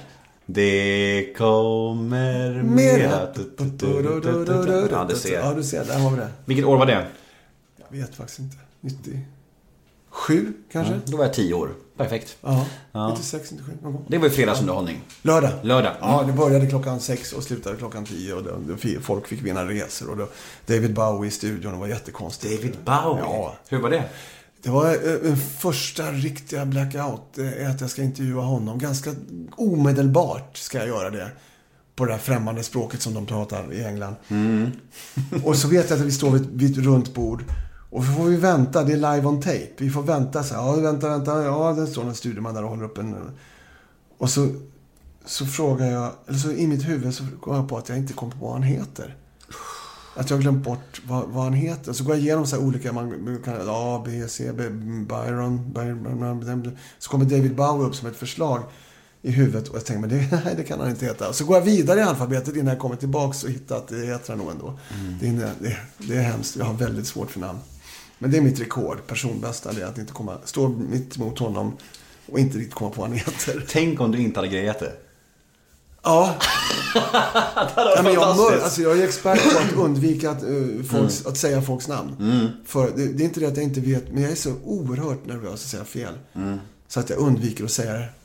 Och det var väl den. Men nu vet jag ju det, så att även om jag skulle intervjua, liksom, vet jag, Phil Collins imorgon så skulle jag ändå öva på att säga det. Så att jag för, för, för säkerhets skull så vet jag att det är han. Du har väl träffat Phil Collins i en annan program? inte? Ja, han var med också. Han var med i eh, Sverige-Sovjet. Ja. ja, just det. Det var roligt. Och så hade trummisen övat in att göra den där trumräkan som han gör på I can feel it coming in the air tonight. Och gjorde när han gjorde entré. Och han gjorde liksom ingen, ingen sån här Eller pekade. Jag bara sket i det. Tyckte jag var hårt. Men alltså i Sverige och Sovjet så fick du väl också träffa James Hetfield va? Ja, just det. Var det innan han blev nykter? Det vet jag inte. Han hade kort, han hade klippt sig tror jag rätt nyligen. Ah, okej. Mm. Kan det vara ett... eh, en- Jag vet inte. Jag såg en dokumentär om Metallica ganska nyligen. Ja. Där, han, där han blev nykter i dokumentären och jag har varit nykter sedan dess. Ja, men, men det är det den när de går i terapi. Precis. Some kind of monster. Det känns som att det är efter. Har du sett den? Ja. Fantastiskt tycker jag. Ja, det är väldigt, väldigt roligt med den där terapeuten som Ja, inte det är slutar. bisarrt. Ja, det är jättekul. Att det, och det, att det är liksom, att det, det är äkta. Det är liksom Ja. ver- verkligheten. Det är Ja, bara det- så här. Jag älskar den. Ja, jag förstår det. Jag tycker den är toppen. Det är, det jag kommer ihåg mest. Att de var tvungna att sparka sin terapeut till sist. För att han bara hängde med. Han bara fortsatte. Han slutade liksom aldrig hänga efter. Ja, Det är väldigt roligt. Jag vill rekommendera den för mina lyssnare. Eh, Some kind of monster finns på Netflix. Kolla den. Ja. Jo, eh, men hur många år var det från det kommer mera till Robinson då? Ehm, då tyckte jag nog, sen när jag hade gjort det kom mera och eh, Sverige Sovjet, Sovjet som var lördagsunderhållning, då tänkte jag nog att det, liksom, nu är det ju klart. Så Då, då tog jag ett litet break där och försökte tänka, och vad ska jag göra istället? Och tänkte att nu, det är nu jag passar på, nu är jag lite känd så gör jag musik igen och kanske hittar på någon sån här rolig föreställning. Vilket jag gjorde. Men då blev jag liksom upptäckt. Då kom de och lyssnade igen. Och det var på Mosebacke. Och tyckte att jag var bättre på att prata mellan låtarna och spela i dem. Så då vart jag upptagen till Hamre Börs eh, och rea. Och sen var Svante Stockselius där som var tv-chef eh, för Nöje då. Jag vet inte hur det satt ihop. Jag fick göra eh, Melodifestivalen. Det var nog... Liksom, jag var precis så här tillräckligt med eller hot eller någonting så att jag fick göra den då. Du fick väl göra Eurovision också? va? Ja, den året därpå gjorde jag Eurovision. Det är Ja. stort. Ja, det är Herregud. stort. Det var väldigt stort. Halv miljard tittare typ. Ja, det var inte det då. Det var 102 miljoner och sånt Ja, där. det är ändå okej. Det är okej. Ja. Ja. Hur nervös var det? Jag var hemskt nervös. Alltså, den uppladdningen, den brukar jag föreläsa om. För jag tycker det är liksom hur man... Jag har tänkt på att hur hanterar man liksom de här sakerna. Och, och, och även hur man tar sig fram när jag då inte upplever att jag... Det jag pratade om nyss, att jag inte känt mig så självklar i den här världen. Och jag har alltid tyckt att andra känns som de kan bättre. Eller har liksom utstrålar någon slags självförtroende. Och hur, hur kommer det sig att jag ändå har tagit, tagit mig fram? Och jag är lite fascinerad över att jag har gjort det. Och då har det nog handlat om att jag förberett mig väldigt mycket i smyg hela tiden. Jag har inte vågat säga liksom att nu ska jag ska springa fortare än vad du gör. Men jag har i smyg förberett mig och sen har jag sprungit när inte de varit beredda på att det var en tävling så att säga. Så, att, så kan man säga. Så att jag tror säkert att om jag visste att, att de här människorna som jag nyss nämnde kommer, skulle komma och titta med på Mosebacke så tror jag att jag ansträngde mig något grönjävligt på att förbereda. Så att det verkligen var en bra kväll och sådär. Och de gick på det och trodde att jag var begåvad. Fast i själva verket var jag bara fruktansvärt bra förberedd. Och på den grejen har gått vidare liksom. Det räcker ju inte att vara bra förberedd bara. Nej, det, men, men, ja, men det är en del i det. Ja, det är det. Ja, Men du måste ha lite talang också såklart. ja jag, jag, jag är nog påhittig. Det måste man nog säga. Kreativ och envis. Envis jag. Fast jag, jag, jag förstår inte själv. Nej. Men jag är nog fruktansvärt envis på mitt eget lilla sätt. Fint. Jag som, Nu presenterar Max en lagom stark nyhet. Spicy brioche. En burgare med sriracha-majonnäs, färska grönsaker och gyllenrostat briochebröd. Välj mellan svenskt nötkött, kyckling eller halloumi. Max, Sveriges godaste burgare. Vi på Meka förstår att du inte vill lägga din lediga tid på att byta däck. Men du, allt ska bli bra. Vi har över 400 bilverkstäder landet runt som hjälper dig med sommardäck. Boka på meka.se. Meka, vi förstår bilar. Vi förstår dig.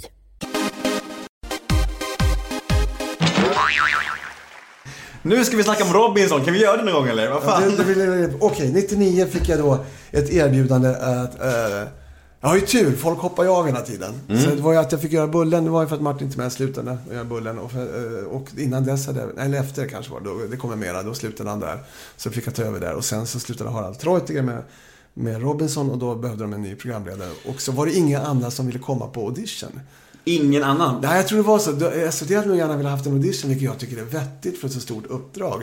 Att liksom, så jag, ja men visst, det kan jag absolut. Men de andra som var tillfrågade tyckte att de var nog lite för fina för att, ni vet väl hur bra jag är. Vilka var det då? Ja, det, jag vet inte det. Det vet du visst. Ja, det vet jag. Du kan säga det efter då. Ja, exakt. Ja. Det där hatar mina lyssnare, jag kan säga. Ja, okej. ja, då säger jag det inte efter heller. För det jag tror inte jag gör det. Nej, vi får Men- se. Blink, Ja. blink. Skickar, jag skriver en lapp nu när jag skickar Ja, över. Det säger ingenting. Ja, Men alltså, varför hoppar Harald Treutiger av Sveriges största underhållningsprogram? för att han såg en möjlighet att få göra någonting ännu större och kanske också mer välbetalt på trean.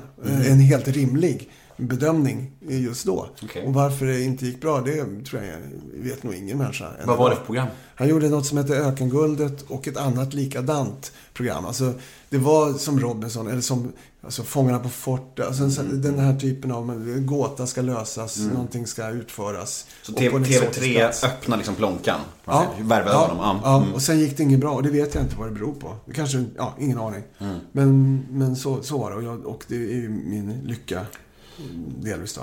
Jag Ja. fick göra Robinson istället då. Du var några år. Då ja! Ja. 99, då är jag för fan över 40. Nej men jag sa, det var några år gjorde jag Robinson. trodde du bara bara, man ska rub it in, you're old man! Jag har just sagt att du ser fräsch ut, fan. okej. Nej men du gjorde Robinson fyra år va? Fem. Fem år. Och eh, det var ju Sveriges största program då. Ja, det var, vi hade, jag tror att det var... Tre miljoner va? Nej.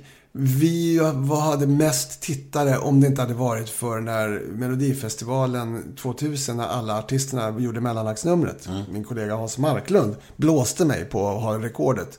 Så de hade så här 4,2 miljoner, vi hade 4,1 eller något sånt där. På en final. Men sen dess har det väl hänt andra saker. Men, men vi hade fruktansvärt mycket tittare. Så mycket har man inte idag. Nej, verkligen inte. Och det är det jag menar. Du måste ha blivit verkligen superkänd av det. Ja, det var jag. Varenda jävla människa måste känt igen dig. Ja, så Hur, var det. hur var det då? Ja, men som sagt, det hade ju smugit på. Från, att, från att liksom förskoleklasserna kände igen mig till alla tonåringar till liksom... Så det, det var ju ett smyg, smög nog på. Jag tror Men trivdes du det? Att du, att du var igenkänd och så här? Eller var det något du inte ens tänkte på? Jo, jag, jag, tycker, jag tycker nog att det har varit väldigt roligt. Det är återigen... Vänta, vad pratar vi om nu? Robinson pratar vi om. Ro- Det var ju, alltså, programmet, det är återigen en cirkus slår upp sitt tält och jag får vara med och liksom i händernas centrum. Det var ju det häftiga och det roliga. Sen var det också så att så fort programmet väl började så handlade nog det mesta om deltagarna egentligen. Så jag drogs inte in så mycket i så här... Det var inte så hemskt mycket. Chocken som tittarna inte fick se handlade sällan om mig. Eh, eller pakten som ondskan, dumma, allt det där. Det handlade om andra. Så jag, var, jag var inte så drabbad, tycker jag. Och framförallt så slapp jag undan. Harald fick ju verkligen gå igenom skärselden. Det slapp jag ju också. Så jag, jag hade ju en, en lite smekmånadsvariant på det, på det sättet. Och kändismässigt så tror jag inte att jag har... Jag tror inte jag har tänkt så mycket på det, helt enkelt. Var det någon sekvens i Robinson under de åren som du var programledare som klipptes bort som, som, inte, som du kan berätta om? Något så här skvaller 15 år senare? Jag vet inte hur det var. Det var vi hade ju en, en tävling när de eh, sk- skulle inte... Först fick de äta och sen fick de inte gå på muggen. Va? Bisarr. Det är liksom, vi hade ju vissa regler ändå som... Vi hade ju dan- danska Robinson gjorde, spelades in samtidigt. De hade ju inga regler. Där, kunde man ju gå hur långt som helst. Liksom, med, tvinga deltagarna att äta äckliga saker. Och vi hade ju liksom ändå vissa... Det här gör vi bara, inte SVT. Det här utsätter vi inte någon för. Men det här är väl det närmaste en, en riktigt konstig tävling. Så att de låg där. Valet var ju då att antingen skita på sig eller att ge upp liksom. Och, ja, men det var väl någon som, fler än en som valde liksom det första alternativet. Ja, lite konstigt. Men sändes det? Jag tror, ja, jag tror det sändes, det måste det ha gjort. För liksom, annars skulle det ju inte, Men jag tror, inte, jag tror inte att det gjordes någon sak av liksom, på, vil- på vilket sätt det vanns. Men alltså Robinson för mig ska ju vara att man inte får någon mat. det är, Ja, ja, tvärtom. Ja, men det här var ju, det byggde ju att de inte hade fått någon mat på evigheter och nu så var det liksom hamburgerfest. Men sen till vår, till en stor överraskning så, haha, nu börjar den här tävlingen. Men varför är dans... Fan vad dumt. Ja, verkligen. Jag tror inte, det var cynisk, inte en cynisk tävling TV. som jag slogs för. Det, Nej.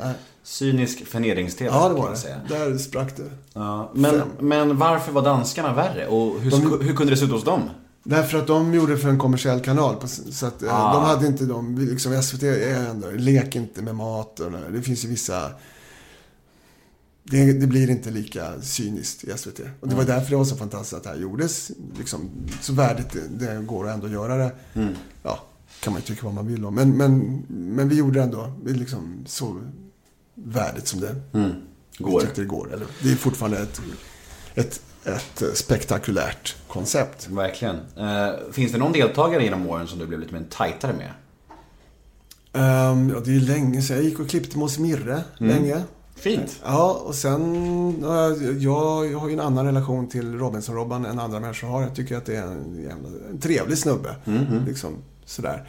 Eh, ja, men sen var det nog länge sedan jag träffade några. Grymt. Vi går vidare. Eh, jag har en fråga om Allsång på Skansen. Eh, När jag la upp ditt namn på min Instagram så fick mina lyssnare fråga lite. Och då var det några som var nyfikna på det här med när du tog Allsångsuppdraget så fick du lite kritik eh, för att du inte sjöng riktigt lika bra som Lasse. Ja.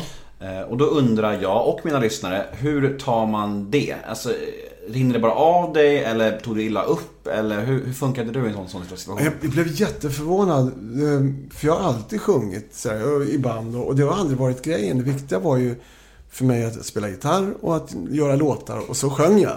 Och- det var ingenting som jag funderat så mycket på. Och jag har alltid sjungit. Och så plötsligt, när jag säger ja till det där. Jag minns min för, då ringde första jag gjorde en sån här radiointervju. De ringer upp och så ska man... Och så sa jag, kan du sjunga lite? Och så blev jag så här, ja, kan vi göra. Och sen bara fortsatte det att jag skulle, man skulle sjunga jämt och ständigt. Att det var så viktigt för folk hur man sjöng.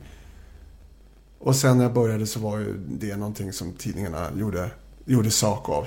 Hur jag sjöng eller inte sjöng. Och ja, men jag blev sårad. Jag tyckte det var liksom... Jag blev förvånad över att... Jaha, jämfört med vad... Nej men jag har väl aldrig sagt att jag är en liksom, storsångare. Men jag sjunger ju, jag kan ju sjunga så här, rent. Jag har inget jättestort register eller ingen stor röst. Men varför håller ni på... Jag förstod inte riktigt varför de gjorde en så stor sak av det. Och blev sårad, absolut. Och tyckte det var irrelevant. Liksom, det spelar ingen roll hur jag sjunger. Det är liksom, jag är allsångsledare, jag ska få andra att sjunga. Och det, ja, det, det var förvirrande och sårande tyckte jag. Vad minns du annars från Allsångstiden? Alltså, vad är dina starkaste minnen från den perioden? Mm, Det är nog att vara där. Liksom, att vara, jag, var, jag spenderade mycket tid på scenen. Jag såg det som... Jag tror att jag pratade om det här med att förbereda hur man övervinner nervositet. Och i mitt fall har det varit att försöka bli den man föreställer att vara. I det här fallet är man ju en värd för en, för en fest. Och ju mer jag liksom bli kompis med publiken. Det var viktigt för mig så att vi var på samma lag. Så jag är inte nervös för dem där ute. Det är överstökat när, när tv-kameran rullar på. Utan vi är kompisar och det känns bra. Vi, vi har en grej ihop. Så jag spenderade mycket tid ute på scenen och sprang runt i publiken. Och det är nog det jag liksom... När, när, när jag uppkallar minnen från Allsångstiden så är det nog det jag ser framför mig. Mig liksom. det är, jag är där på scenen och pratar med publiken. Det är nog uppvärmningen. Mer än programmen, tror jag. Och att det var väldigt trevligt. Eh, trevlig stämning. Man var glad liksom. Och det var ju väldigt mycket uppskattning från publiken. Och, och tvärtom också. Jag uppskattar ju att vi var kompisar när kamerorna slogs på. Tycker du om live mer än inte live? Ja, absolut. Det är jätteskönt med live. Det är jätteroligt och att eh, det är över när det är över. Och att, eh, att det inte finns en omtagning. Utan att vi, vi... Det blev så här nu. Vilket är det största missöde du varit med om live? Det är ju när jag står på, uppe på eh, Kittelfjäll och ska öppna eh, den slutliga rösten. Vinnaren i Robinson. Och vi har ju repat allting. Utom hur man öppnar ett kuvert. och då är det ju så att den här fliken. Ja, den, det är liksom en liten V-formad flik. Och den vänder jag mot kameran istället för mot mig. Så tittarna ser en del utav namnet i flera, ja, kanske två sekunder innan jag... Ja, det var ju ingen lek.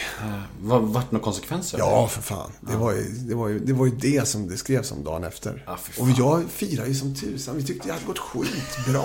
fan, som jag sett från fjället. Och det var 30 grader kallt ena dagen. Och sen var det plusgrader och allting smälte bort. Men vi gjorde det. Mm. Jättebra. Sen var det enda som ska, tidningen skrev att jag hade Ångest. Ja, det känns ju orättvist Mm. just då. Men sen får man väl erkänna att det är klart att det är ett spänningsmoment att öppna kuvertet. Och i hela... Ja, de, de fick se namnet några sekunder innan jag sa det. Mm. Och det är klart att det inte är så det var tänkt. Alltså du har ju träffat och intervjuat så otroligt mycket olika kändisar. Både i Allsång på Skansen, i... Ja, i massa olika program helt enkelt. Ja. Och, och kan du välja ut någon, den härligaste kändisen du har haft som gäst och den knepigaste? Jag tyckte om du... Eh, Metallica-sångaren, jag vågar inte säga hans namn. För James det, Hetfield. Det, det är några vokaler som han har... Han var f- så trevlig. Mm. Det tyckte jag var roligt. Eh, sen var... Kommer jag ihåg eh, David Bowie att efteråt att han... Jag mötte honom i korridoren och, men att han inte sa hej. Det, det kommer jag ihåg än idag. Så jag var lite störd på det då. Annars var han väldigt trevlig under hela intervjun. Um, knep. Jag hade någon sån här eh, me- melodifestivalvinnare från typ Serbien eller Kroatien. Men det var nog så knepigt så att vi inte ens... Hon var så knepig hela hon, så det strök vi nog hela intervjun. Var det hon, den här Molly Ja, det kommer jag ju inte ihåg. Det var, det var, det var, ja, nej, det var ingen vinnare. Men om det, om det finns en vinnare från något av de länderna så lär det ju ha varit hon då. Ja, ja, det var ingen... Hon såg ut som Lotta Bromé typ. Något, ja, då är vi på... Då snackar vi om samma. Ja. Eh, bra beskrivning. ja, ja, ja, men stämmer. Vi går vidare. Vi går vidare. Du har varit aktiv i TV-branschen, vad blir, blir det 30 år? Om det ska säga... ni- ni- Ja, nej, inte riktigt. 91... 89, jo, nästa år är det väl 30 då. Fantastiskt. Och det eh, kommer ju också SVT att- fira med i dagarna tre. Med att köra eh, ett urval av mina program i repris. Vad kul. Mm. Hedrande. Klart de inte gör. Vad får gå på det för? Ja, varför går du på det? Men vad ska jag tro? Jag vet väl inte. Du kanske är så här supertjenis med alla chefer där? Vad heter hon högsta chefen? Eva Hamilton? vet, ehm, jag vet faktiskt inte. Jag är jättedålig på, på hierarkierna inom SVT och eh, jag är ju aldrig där. Nej, du sa det. Mm, Så förut. att, ehm, alltså, jag börjar tjatig. Ja, det är okej. Det var, inte in, det var innan inspelningen så de har inte hört den.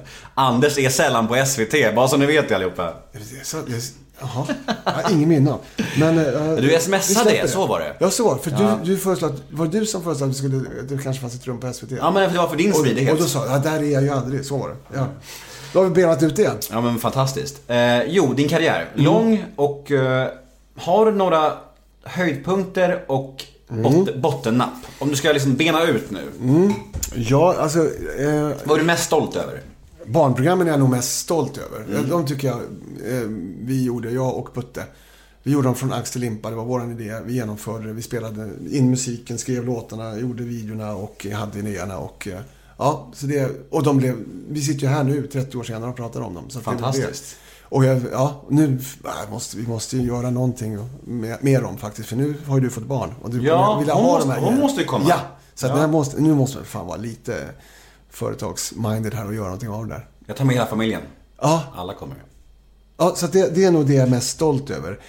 Mm. En peak är ju förstås att göra rea, roligt, elakt, aktuellt. Att få jobba i en ensemble och ha jobbarkompisar och stå på scenen och skriva sketcher som folk sen... Alltså det var otroligt häftigt att sitta på kammaren och komma på ett skämt och sen höra publiken skratta åt det. Både första gången och sen någon gång så jag, jag hade ett skämt som var det var nyhetsuppläsarna som avslutade. De ska alltid ha lite kallprat i slutet. Eh, och så säger den manliga till Nå Ann-Louise, eh, plockat någon svamp i år då? Nej tack, jag fick bort den ändå. Så, och så var det, det var så otroligt roligt att höra folk skratta åt det. Så långt efteråt att jag kom på det. Ja, ja. Det, kom, det, det var, jag, kan, jag kunde liksom, "Aj, nu kommer det där, jag måste höra. Och sen liksom, det var, ju, det var ju säkert tre år sedan jag kom på det där. Jag kommer ihåg var jag var. Jag hade åkt till Thailand för att skriva och satt där. Och, och så kom jag på det och nu skrattar de. Det tyckte jag var väldigt roligt. Så att rea är, nog en så här väldigt glädjefylld period. Men nu tycker jag att jag, just nu jobbar jag med Mitt i naturen och Allt för Sverige. Och jag har nog aldrig fått jobba med någonting som, som jag känner mig så hemma i. att jag är historielärare och väldigt intresserad av, av de ämnena vi tar upp i Allt för Sverige. Och alla de här resorna som jag har druckit gin på flygresan till har ju alltid gått ut på att jag ska åka till eh, nat- nationalparker och leta konstiga djur. Och nu får jag jobba med program som i princip handlar om, om det. Och är väldigt engagerad i naturfrågor. Så att bättre jobb än jag har just nu, det har jag nog aldrig haft. Och bottennappen då? Måtten... Ja, dels gjorde jag ju en, en konstig satsning som heter Nöjesredaktionen. Och då, det var, då hade jag tagit ett sabbatsår sådär. Jag tänkte att jag inte skulle jobba någon mer med TV. Men så fick jag vara med i ett projekt som lät väldigt spännande. Det kanske skulle gå samtidigt i två kanaler. Så att det var liksom två olika berättelser. Och vi skulle vara en nöjesredaktion, spela olika... Jag skulle spela en nöjesreporter men också faktiskt göra reportagen om händelser. Ja, det var så här meta, det blev spännande. Och det blev riktigt dåligt. Eh, så Varför? För min egen del så var jag oerhört obekväm med att spela en... Liksom en min roll var jättetafflig reporter och jag har minnen att jag eh, intervjuar Rickard Wolff och ska hålla på och fumla med mikrofonen och han är inte heller bekväm. Han är inte med riktigt på noterna här. Vad är det här för något? Jag- bara tycker att det... Nej, det var, det var pajigt. Mhm. Så det var, det, det var ju... Ja. Mm. Sen var det väl eh, första avsnittet av Sverige-Sovjet. Det, det blev ju liksom okej underhållning. Men första programmet då hade vi gjort så, det var så mycket som var, skulle morfas live. De som ringde skulle ha skickat in sitt foto. skulle vi morfa fram. Liksom, du vet, här, som i någon Michael Jackson-video. Skulle bara, alla ansikten skulle blippa förbi. Morfa, vad är det? Jag, jag säger, tror jag säger rätt. Om du ser framför någon sån video som kom på runt 90. Där det var väldigt populärt att liksom, ett ansikte i bild och så bara förändras det. blir en, först en tjej och sen en kille, sen en svart kille, sen en japan och sen en... Mm, Ja, ja, ja, ja. Det är väldigt Michael Jackson. Ja. Black or white Ja, video. ja precis. Ja. Mm. Det, det gjorde vi. Eh, Och, det var ju, och genomförde. Och sen skulle vi ha, ha Peter Karlsson och Blå Gro- Grodan som husband. Men just första programmet, då kunde inte de. Utan de skulle spela i Falun. Så då länkade vi dem därifrån. Vad Ja, det var ju sånt jäkla ståhej. Och efteråt var vi ju så glada att vi hade fått ihop det. Mm. Men så tidningarna tyckte inte att det var bra. Och det kan ju ligga någonting i det. För att vi hade ju kanske missat att det också ska... Innehållet... och De skiter väl i om det var tekniskt. Och att vi lyckades. Det, det var ju liksom inte Wow, det. ni fick ihop det. Ja, så, så var det ju för, för oss. Duktiga ni är. Ja, vad, vad svårt ni hade gjort för det. Ja. Så det tog ett program innan det. Men det där första är nog, det, det får jag nog höra än idag. Att liksom, Sverige-Sovjet, det var... Men det tycker, jag, det tycker jag är orättvist. För det blev precis varken bättre eller sämre än andra pro- underhållningsprogram var på den tiden. Det, liksom, det var sådär. Man kom ner för en trapp som var lite självlysande. Och, Har du några drömuppdrag som du skulle vilja få frågan om idag? Liksom? Ett, något program som du verkligen, fan det där vill jag leda. Jag vill helst fortsätta leda. Det, jag, jag, det låter ju... Men jag, jag är jätteglad över allt för Sverige. Och det, att jag liksom varit med från början och inte hoppat in för någon annan. Utan varit med och liksom inte tagit beslutet såklart. Men nästan känns som att jag varit med och sagt, ja det här kör vi på. Och även mm, på tidigt stadium också sagt, men det här måste vi åtgärda ifall det här ska göras. Det här måste göras. Och, så, och att det, vissa delar där har jag absolut varit med och format. Och sen har- vi, jag och producenten, och liksom jobbat med det här programmet sen dess. Och format det till vad det är idag. Och nu var jag på Systembolaget igår och då frågade de, men jag måste var fråga, blir det någon avsnitt av Allt för Sverige? Och det tog ett, liksom några säsonger att ta sig dit. Och nu är vi där, att det är liksom som allsång. Att eh, om någon säger något så är det nästan alltid om det programmet. Och då, och det är jätteroligt. Fint alltså. Ja, det är roligt. Är det alltid kul att bli igenkänd på ute så här? Jag tycker det är lugnt. Så länge jag är i Stockholm så jag tänker inte på det. För jag tror att... Och så tror jag också, så länge jag rör mig på platser där jag tycker att jag hör hemma. Om jag åker tunnelbana till Medborgarplatsen. Då är det en sträcka som jag liksom... Den åker jag. Jag tycker det är jättekonstigt. Det vet väl alla att jag åker den. Det är väl ingenting med, med den. Om sen någon säger hej så är det väl för att vi har åkt samma tunnelbana några gånger förr. Och om jag går och handlar så är det ju liksom... Det är ju de som jobbar där. Som man pratar med ibland. Så alla dagar i veckan så tycker jag att, jag att det inte är något speciellt. Men sen ibland så åker man till någon annan ort och så är det kanske fredagkväll och då är det annorlunda. Då, då blir det tjoigt. Och då kommer jag på att, nej men just det, nu får jag nog gå hem. och lägga mig på hotellrummet. Eh, jag har ett litet segment som heter Sex snabba. Det är Ja, eh, sex... ja, nej, så det ligger inte i min sak. Nej, men vi det- prövar. det är inte jag jag. vänder mig emot det redan från början. Det är inte ja och nej-frågor. Men det är... Men det ska tyckas. Ja, det ska, det ska vara korta svar, förhoppningsvis. Ja, det är fel igen. Vi provar. Jag hör ju redan. Vi provar. Nej. Dyraste ägodel? Ja, men alltså, det är klart att bilen är dy- dyrast. Men sen är det väl då... eh, Jag har några ja, gitarrer som jag låtit bygga. Som, är, som är rätt dyra. Och säkert en- en 30 papp får man nog ge för en sån. Det är ganska dyrt. Har du någon sån här liten eh, onödig grej som du har köpt och typ aldrig använt sen? Som varit dyr? Nej, jag, jag är ganska snål. Men nog har jag väl... Jag är inte dyr. Det tycker jag inte. Jag, stod på rätt, rätt bra ett tag. Jag har lite... Något keyboard hemma som står i något hörn. som jag inte använder. Ja. Bra. Vad missbrukar du? Jag har slutat snusa. Bra. Ja. Sen, Det, sen när då? sen oktober. Var det svårt? Ja, det är fortfarande svårt. Det är, så att jag, det är nästan så att jag inte tycker det är värt det och så att jag inte egentligen tycker att jag har slutat. Jag bara har ett uppehåll för jag har så svårt att tänka mig att, att inte få, få göra den där fina handlingen igen och stoppa in något brunt, geggigt. Fan vad. Tyst nu. vad, vad, hur mycket snusade du när det var som värst? Ja, och så, ja, men då var det nog kedjesnusa. Att det åker ut en, liksom, var femte minut, in och ut. Det är som att det står och jonglerar. Det står liksom en jävla clown och jonglerar snus. som passerar under läppen. Vad sa frugan om det? att det, ja, hon tyckte nog att det var, var bra i jämförelse med andra saker. Så att, ja, hon var väldigt förstå, förstående och tyckte att det liksom... Att det var... Nej, hon har aldrig varit. Men det var ändå när jag förstod att, att jag hade dålig andedräkt på grund av det här. Som, det var ett... Det är nog det starkaste skälet egentligen. För annars är det inte mycket vinster med att sluta. Det, om man lyckas få ner det något, så att man liksom, jag låg, jag låg nog under en dosa per dag och jag hittat ställen där man, som sålde stockarna för eh, tre- 350. Så det, man är på 35 dosan. Och, om, du vet, om du går och köper en kaffe latte så har du bränt de här pengarna ändå. Så det fanns inget ekonomiskt, det händer ingenting. Och nu har jag fått smakerna tillbaks. Det är ingen som säger det när de slutar snusa. Och konditionen är densamma. Och, Alltså jag, jag hör ju att det här är någon som snusar inom några veckor igen alltså. Du har ju bestämt det redan. ja, Det är nästan. som en narkoman som tänker på sin fix. Eh, vad gör du när ingen ser? Ja, ibland kan det vara att, att jag spelar gitarr och att jag lite skäms för att jag övar. Det är väl det här med att smygträna. Och kommer någon, närmar sig någon huset så lägger jag undan den fort så att ingen ska se att jag har gjort det. Så att det ska framstå som att jag är, väldigt begåvad på det jag gör för, för, för att inte ha tränat något. Men det har jag. Det, var, ja, det är saker som jag gör när ingen ser. Ja, det är, det är, det är bra svar. Nej, det var det Eh, verkligen inte. Men, Vidrigaste du gjort mot en annan människa? Ja, det kan jag inte berätta, men jag, jag har ett svar på det. Och det möjligtvis kan jag säga att det handlar om att föra skvaller vidare. Och det visar sig att när jag sitter och skvallrar om typ sitter vid bordet. Oj. Ja, det är en liten rolig historia på sätt och vis.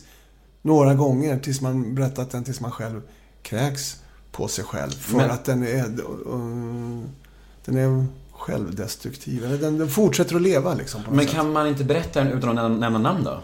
Ja, det kan man göra. Ja, men gör det då. Jag sitter och spelar ehm, eh, Pop Trivial. Mm. Vad är det? Det är Trivial Pursuits. Mm, Pursuits. Fast med popfrågor. Och jag kan jättemycket om svensk musik och prog fram till liksom typ ja, 75. Jag kan allt om Kebnekaise och vad gitarristen hette och vilken gitarr han spelar på och omslag såg ut. Kan inte så mycket om, om någonting annat.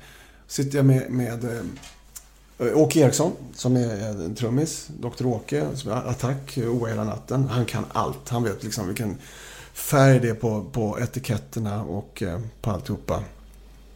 Och så sitter jag med en keyboardist i Transdance. Som han kan, jag tror inte han kan någonting om något annat än bara olika keyboardmärken. Och sen en fjärde vid bordet också. Och sen så sitter de andra och de kan allting om Bee Gees och, och liksom och T-Rex och vem vad producenten hette. Allt det där går mig förbi. Men så fort det är någonting som handlar om Kebnekaise så vet jag att det, ja, men det är Kenny Håkansson. Jag svarar rätt på det. Turid hette hon, eller vad det nu kan vara. Och sen kommer frågan till min keyboardkille som inte kan något om någonting. Och så kommer jag till en fråga som jag kan hjälpa honom med. Och då sitter jag och ger honom en massa ledtrådar om skvaller jag har hört om personen som efterfrågas. Och det bara, du blir gladare och gladare. Jag kommer på mer och mer som jag har hört. Skitsnack typ. Ja. Och då säger de vid fjärde bordet, det är min partner. Fan. Och som är min partner. Så, så. Och det är ju fantastiskt. Alltså fy fan. Vad hände? Vi avbröt på, på stå, rakt av och jag skyllde ifrån mig. Det, det första, reflexmässigt. Hur då? Vad kan man säga? Jag tog en annan känd person inom musikvärlden som jag liksom hade hängt med lite grann och som jag visste att jag aldrig mer skulle träffa. Och så skyllde jag på den och sa att jag hört från och det gjorde inte saken på något sätt bättre. Och sen så bröt vi upp och trängdes i min hall. Och all, jag, gick hem, vi var hemma hos mig. Vi gick hemifrån. Ja, jag med. Jag gick också hemifrån. När var det här? När var det här? Jag bor ju där, så det måste ju vara före en 94. Det kan ha varit eh, 90, 91. Har du hörts något mer med de här människorna? Den där historien lever än idag. Men människorna då? Har du fått be om ursäkt? Ja, ja, flera gånger om. Ja. Men har ni försonats? Ja, det var inte så, det var liksom, vi hängde inte utan det var, men jag har bett om ursäkt jag, varje gång eh, jag ser, Fy fan. Ja. ja. Det var generöst av dig. Eh, nej det var nödvändigt. Och jag, det, Att dela med dig menar jag. Vad heter det? Att dela med dig. Att det, det var generöst. Ja, jag, vet, jag sitter här och går igenom, har jag sagt för mycket? Sårar jag? Det här är en historia som sårar igen, genom att berätta den liksom. Vi kan klippa bort det om du Vi, vill. vi får känna på Vi, det. vi, vi suger med karamellen lite. ja. Eh, det var ju bra, korta svar. Det var ju, det gick, gick, gick sådär. Jag, jag, jag varnar dig. Eh, Men det är bra, jag gillar det. Bästa kändiskompis? Vem som är känd umgås du regelbundet Rigmor med? Gustafsson, jazzsångerskan, är, Mm. är en mycket kär och gammal vän. Mm. Vad skulle du rösta på i höst? vet jag inte riktigt. Jag har nog alltid hållit mig åt vänster eller miljöorienterat sådär. Så någonstans på den sidan blir det väl. Vad har du för rela- relation till psykisk ohälsa? Ja, men det har jag hyfsat nära eh, sådär. Alltså depression och, kroniskt och sådär. Ja, det har jag erfarenhet och jag stor respekt för. Och, och eh, jag skyr det som pesten. Jag tror att det finns anlag hos alla, men i, i min i familj. Att Liksom, tungsinne, om vi börjar där. Och att, jag, eh, att det inte är någonting att leka med och att det är, det är en konstig sjukdom. Därför att, den är, därför att man hamnar förr eller senare, jag- generellt inte alla delar av det, men att den är svår att förstå för en, ut, utifrån. Men ryck upp det för fan. Eh, och att vara inne i den där liksom, mörka ekorrhjulet som är inne i en annans huvud är svårt att sätta sig in i. Så att, eh, ja, jag, jag, måste- kan man säga att man har stor respekt för det? Eller någonting sånt? Ja. Absolut. Eh, Men när mår du själv som allra, allra sämst då? När sköljer ångesten över dig? Det tror jag just, det är en lite privat fråga som jag... Eh, men det, det händer, händer i perioder så kan du, kan det komma. Jag har faktiskt, den här resan var, var ett sätt att, att, att bryta också. För jag, eh, så, så länge jag är ute och reser. Det var ju också ganska rimligt, eh, inte vådliga, men det var ju äventyrliga resor. Så, så jag reste ju liksom all- med backpackar och djungler och så på marken och allt möjligt. Bungee jump? Då har man ju, nej, absolut inga, inga snabba grejer. Nej. Utan mera gå in i, så, så långt det går, i en djungel. Mm. Eh, Då har man ju fullt upp med det. Mm. Och då börjar man inte noja över några stora existentiella frågor just då. Utan då är det liksom, om jag hänger upp det här nätet så här och kanske inte den där håriga spindeln där kommer in Mm. på något sätt. Så att det, de hjälpte mig väldigt mycket och eh, funkade även efteråt. Liksom, jag jagade bort mycket hjärnspöken med de där resorna. När grät du senast? Ja, det gör man. Jag gråt, smågråt ju så, så fort jag blir rörd liksom, över något... Eh, vad var det? Någon fru berättade. Någon hade någonting. Så här, det är så fånigt. Du vet, jag är så känslig för, för små saker. Jag kommer inte på det. Men liksom små gråter. Mina barn är ju helt... eh, Du gråter aldrig! Det är en stor sak för dem. Och, och för min fru säger det gör han visst det. Och jag vet inte riktigt vad jag ska stå där. Nej, jag gråter aldrig. Det låter ju bra faktiskt. Jag är Och sen missar de ju. Jag är stenhård. Sen missar de ju så fort det händer liksom. På något sätt. Du bara, nu, nu, kom kolla nu, kom det, kolla. Ja, men det har jag gjort någon gång. Och det, de, ja, de, de, de, de ifrågasatte det tror jag. När blir du rikt- riktigt osäker? Ja, men det blir jag ju. Nu. Ja, precis nu så hör jag hörde att min fot började så här, så, äh, gå lite.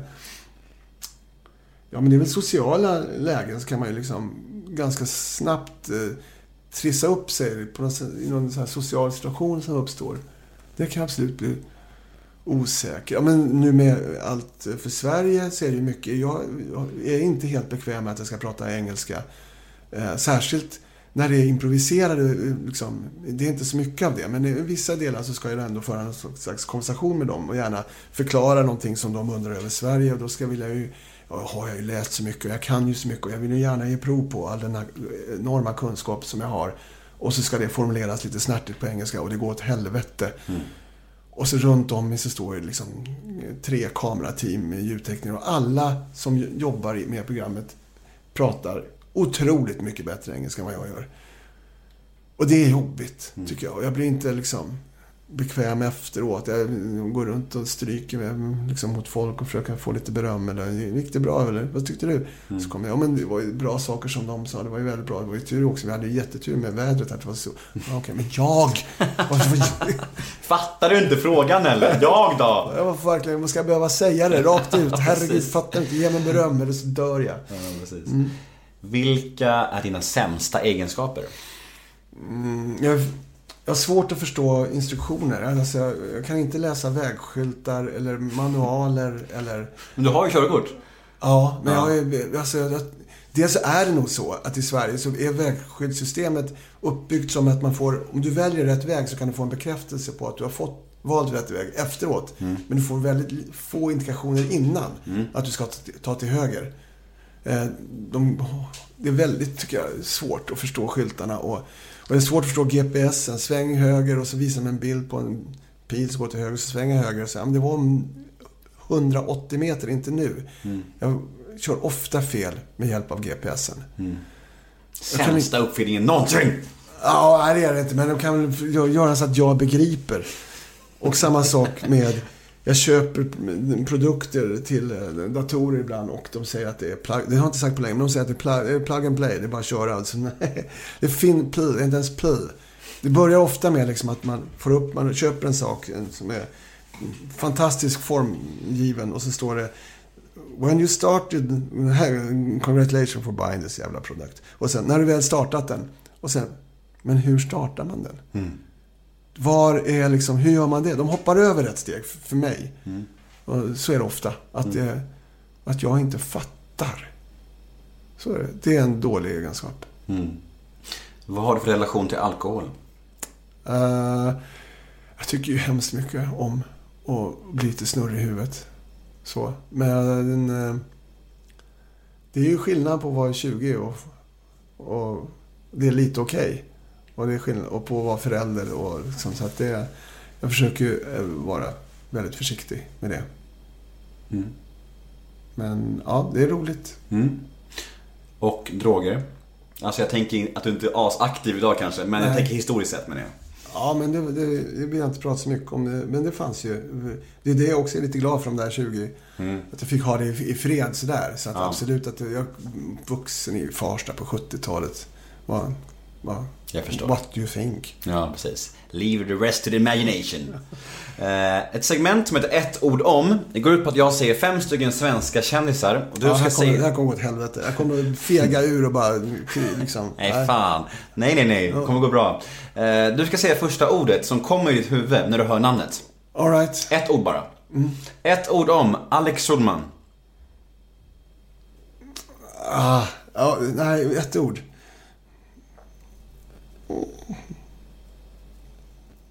Kan vi göra om det? Ja, Men det visst. kommer inget ord. Vi provar igen då. Ett ord om Alex Schulman. Från Farsta. Farsta räcker då. Ja, det är ett ord. ja. Marcus Birro. Göteborg. Göteborg. Sara Larsson. Eh, stora solglasögon tror jag som hon hade på sig sist jag såg henne. Alltså, ja, ett ord om. Hur går det tycker du? Jag jag har- flera Yes. ord varje gång ju. I warned you. Ja. Ja, Okej, eh, Jimmy Åkesson. Ja, det blir så... Nej, jag, jag tyckte inte om den här leken. Och så säger man något PK. Då ska jag säga liksom, ja men det... Ja, Du kan säga pass också. pass. Ja. Pass på allt. Nej, en kvar. Ja. Leif GW Persson. Rolig. Ja, det var, jag kan säga att du, du har gjort bättre ifrån dig tidigare i intervjun än på den här leken kan jag säga. Ja, men jag, jag tror också att jag lite grann vägrar, alltså så här, beskriv dig själv med tre ord. Då vägrar jag, har jag nog någonstans. Det är ett principbeslut. Och eh, antingen eller. Jag vägrar det. Det är liksom, det ligger det är helt mot min natur. Eh, så. Så att vissa saker tror jag som jag känner mig obekväm med. Och det behöver ju inte. För att det, jag tycker inte att det blir, blir bra. Jag blir inte bekväm med, med svaren som Nej. jag ger. Och det fina är att det är helt frivilligt. Jaha. Ja. Ja. Eh, avslutningsvis så har vi sex stycken eh, lyssnarmail. Börjar med första. Hej Anders! Kan du bli bitter på att du bara jobbat för SVT? Jag menar, du hade väl varit snuskigt mycket rikare om du bytte från statlig till kommersiell TV? Ja, Jag vet inte. Ja, det, det är möjligt. Jag är jättetacksam att jag har fått jobba med, med de program jag har fått, fått göra. Alltså, som nu är det ju som en dröm då med, med Allt för Sverige och, och eh, Mitt i naturen. För mig har det nog ändå varit viktigt att det, att det liksom ändå är, så att säga, bra. Och att det inte är bara för att underhålla. Och att det är någon form av kvalitet. Jag säger inte att att kommersiellt nödvändigtvis. Men, men det, det, tendensen är ju att det går. Om vi tar Robinson som exempel som vi pratade om förut. Så, så gjorde vi ju det i SVT. Men vi försökte ju ändå liksom hålla det, balansera det på, på den anständiga sidan. Och det är jag oerhört glad för mig som person. Och det, det hade varit så jobbigt för mig att behöva, liksom, så att säga, göra våld på, på, det, på de idéer jag har om vad som är rätt och riktigt. Värderingar. Ja, tack. Det är lugnt. Veckans mail 2. Hej Anders! Blir du inte någonsin rädd att inom situationstecken telefonen ska sluta ringa och att du inte får några mer jobb? Har du någon plan B i sådana fall? Din företrädare i Robinson, Harald Treutiger, måste ju vara skräckexemplet. Han bara försvann. Lite av en ofrivillig pension om jag har förstått det rätt. Det är hela, från dag ett när jag började på radion. Det första som hände då var i stort sett att eh, Kerstin Adams Rey som jag hade lyssnat på hela min uppväxt. Hon gjorde tio topp och kvällstoppen på 60-talet och jag lyssnade på henne. Då fick jag höra att hon, att det inte fanns någon plats för henne på SR just då.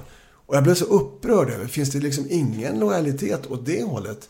Och då förstod jag att eh, det här är en osäker bransch och det, det finns inget så här, vi tar hand om dig eller så. Utan här, här får du reda dig själv. Och det har nog, vi pratade om att jag är eh, mångsysslare i början. Det är ju för att jag tycker det är roligt, men det är också för att det är en jättelik plan B. Jag ska alltid ha någonting annat att göra och jag vill inte känna mig, jag vill inte vara beroende av någon. Så att dels är det att ingen ska tro att jag är beroende av dem. Det ska de ha jävligt klart för sig att det är jag inte. Utan jag har alltid någonting annat jag kan göra.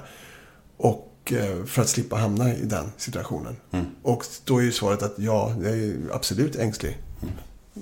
Bra. Och det här är plan B. Ja. Veckans eh, mail 3. Ja. Hej Anders! Hur tycker du att metoo har ändrat TV-branschen? Har det varit någon nämnvärd förändring från din synvinkel? Och hur tänker du själv eh, när vågen sköljde över Sverige? Jag kan tänka mig att det innebär en hel del självrannsakan för alla män i branschen. Mm, ja, men det, det tror jag säkert. Och, eh, ja, det börjar ju med att vi, vi har haft ett möte då inför Allt för Sverige. Att liksom, vi tyckte ju själva då att vi har ingenting att rannsaka. Det finns inget sånt. Men därför, däremot kan vi ha, eh, göra ett möte, eh, ha ett möte om hur vi jobbar och vilka värderingar vi har. Så vi gjorde vi ett protokoll och eh, skrev ner liksom, tankar om hur vi jobbar och vad som är värdefullt. Så det förändrade ju. Eh, det var ju nytt Förändrade inte i praktiken något, men det var väl i varje fall tänka igenom. Jo, lite. Jag blev lite mer noga med att passa tider i år, märkte jag. Ja. ja.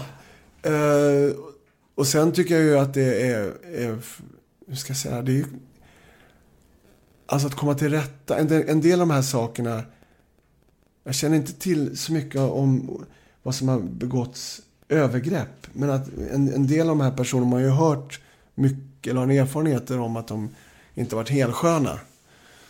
Så det känner man väl att, ja, det är klart att det här ska redas ut. Och sen tycker jag också att det, samtidigt att det är väldigt obehagligt att det är, att det är en offentlig rättegång. Att, liksom, att det här, det är en obehaglig del i det. Även om det är, liksom, låt säga att det är, att det är rimliga anklagelser. Så, men det, det är oerhört obehagligt att det sker så offentligt och att det liksom det som händer på, på löpsedlarna för att det är det är, ett, det är ett straff som, är, som inte finns med i lagboken. Det är inte så här, det är inte, det är inte så här ett rättsväsende funkar. Du, du, du, måste ge, du ger ju ingen människa som någonsin har haft, varit i beröring med dem en chans att undkomma det. Utan det här är ett straff som drabbar på mycket större sätt. Det blir en folkdomstol. Det, ja. Och det är ju... Och det drabbar inte bara den som Nej. utpekar. Och det, jag tycker ens, inte ens det är rätt. Det här ska, liksom, om jag inte är känd och liksom, för skingra pengar så åker jag ju in i fängelse i all tysthet. Och så jag får sitta där och liksom, för,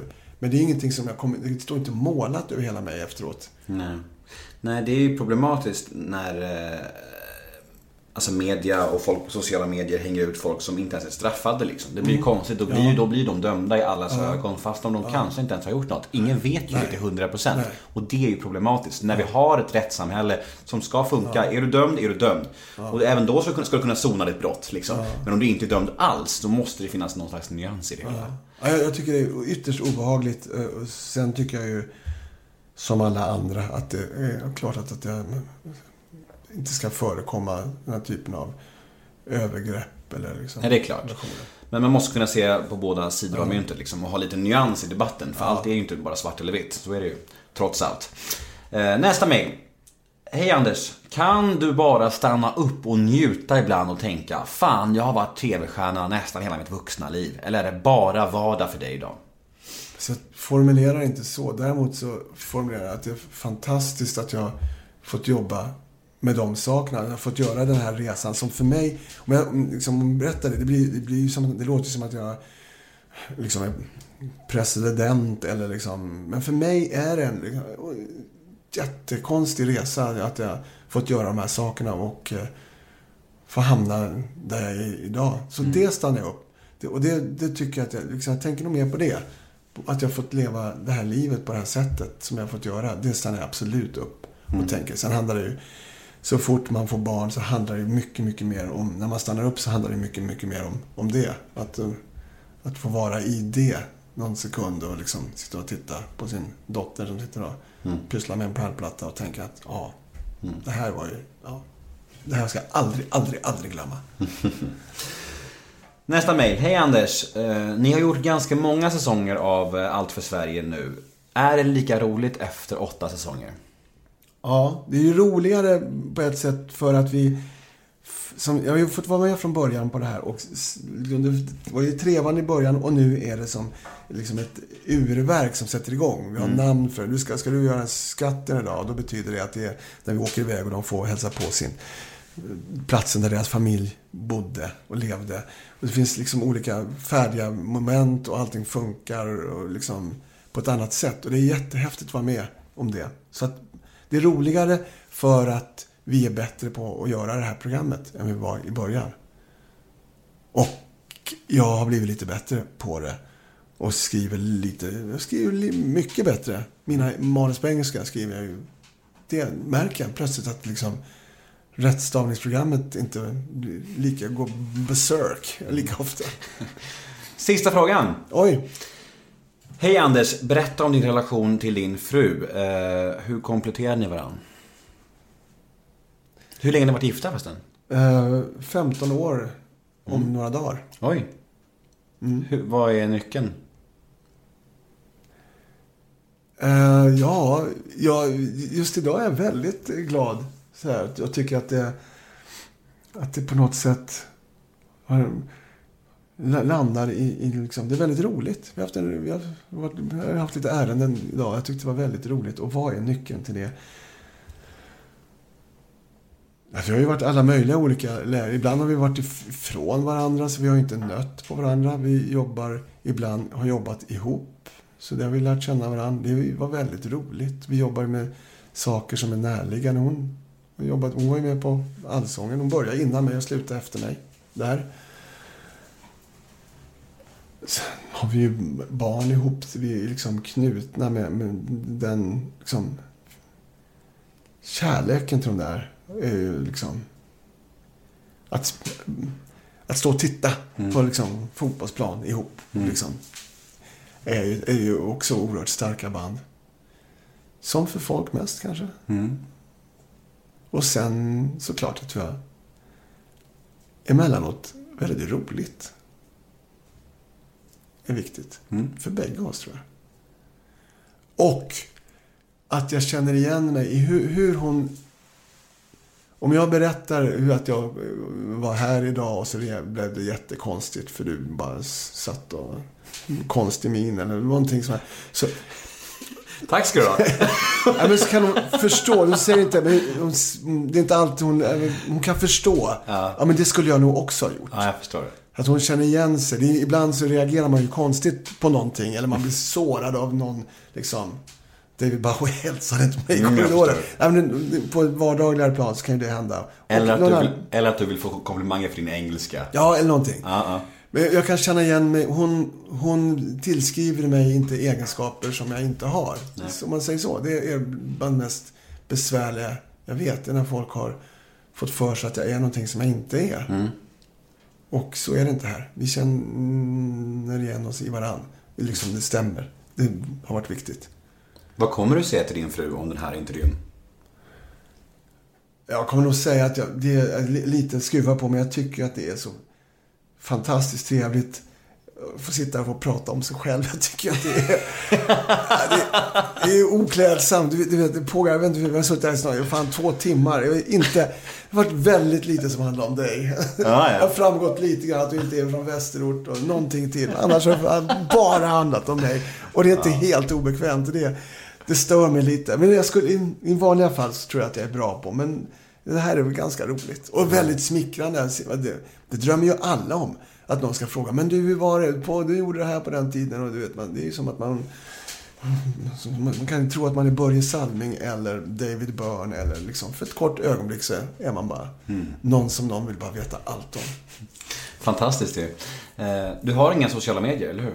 Jo, jag är väldigt dålig på så här, jag ska... Det har ju varit del när vi gjorde rea, Roligt Elakt Aktuellt. Så skulle man ju vara aktiv på Instagram och så skaffa. Och så, det var väl i två veckor som jag tyckte det var roligt att skriva. Och sen så tröttnade jag. Och nu tycker jag att det nog... Ja, men att det är som en, Det är inte bara ointressant. Det finns en tanke med det också. Man har ju en form- du förstår inte. Den reaktionen jag fick. Jag öppnade min, min Facebook och det, det hatet som strömmar mot en åsikt. Tänker jag, men det kommer ju aldrig hända. Liksom, det där är ju två, går ju två håll. Om du inte öppnar den dörren så kommer inte det heller att välla in. Så att jag slipper ju, jag slipper ju det. Ja, Och men jag, då, och jag behöver ju inte heller. Va? Liksom, jag har inte... Det, går ju, det har ju gått jättebra. Jag kan, en- så, det har gått bra ändå. Ta i trä. Ja. Ja. Så jag behöver ju inte liksom sådär. Det är inte nödvändigt för mig. Och jag är inte jätteintresserad av att väldigt ofta höra liksom hur, hur folk har liksom druckit kaffe eller liksom satt upp en, någon ny grej i trädgården eller så. Det, det behöver, jag behöver inte läsa det varje dag. Nej. Jag kan läsa ibland. Så. Så att jag är inte jätte... Jag är också... Vi kanske nämnt det. Jag är, inte, jag är ju inte 38. Jag är inte 28 heller. Så att det är väl inte min generations grej riktigt. Då behöver vi inte säga åt mina lyssnare att följa dig på Instagram då. Jo, det tycker jag. jag vill, Jag visste vill väl det. Vad heter du? Vad heter du då? Farstaludde. Farsta-Ludde? Ja. Mm. In och följ Farsta-Ludde på Instagram. Ja, fan där sprack det. Ja, men det vill jag ju. Där, kom du fram. Det finns ett bekräftelsebehov där ändå. Ett lyckligt ögonblick, det var jag hade det där och så var jag gäst hos Gry någon gång, Gry Mm. Forssell. Och så tittade hon på min ömkliga Instagram och sa, men det här går ju inte, du måste ju ha fler följare. Och så skrev hon på sin så här, "Äh, följ Farsta-Ludde, skrev hon. Så, så, ja, det bara vet, du, slamrade till där och så hade man 4000 följare så här, som i ett, så här bara, Mm. ett tag. Galet. Jag heter Nemo Hedén på Twitter och Instagram. Hashtaggen är NEMOMÖTER. Gå gärna in på Facebook och gilla oss där. Vi heter Nemo möter en vän där. Stort tack till dig Anders Lundin för att du kom hit. Varför säger du vi? För att jag pratar för mig och min klippare. Jag och min enda vän. Ja, vad fan, förstörde du det fina slutet ju. Ja, det var bra ändå. Ja. ja tack som fick komma. Tack, tack. Hej då. Hej. Hej.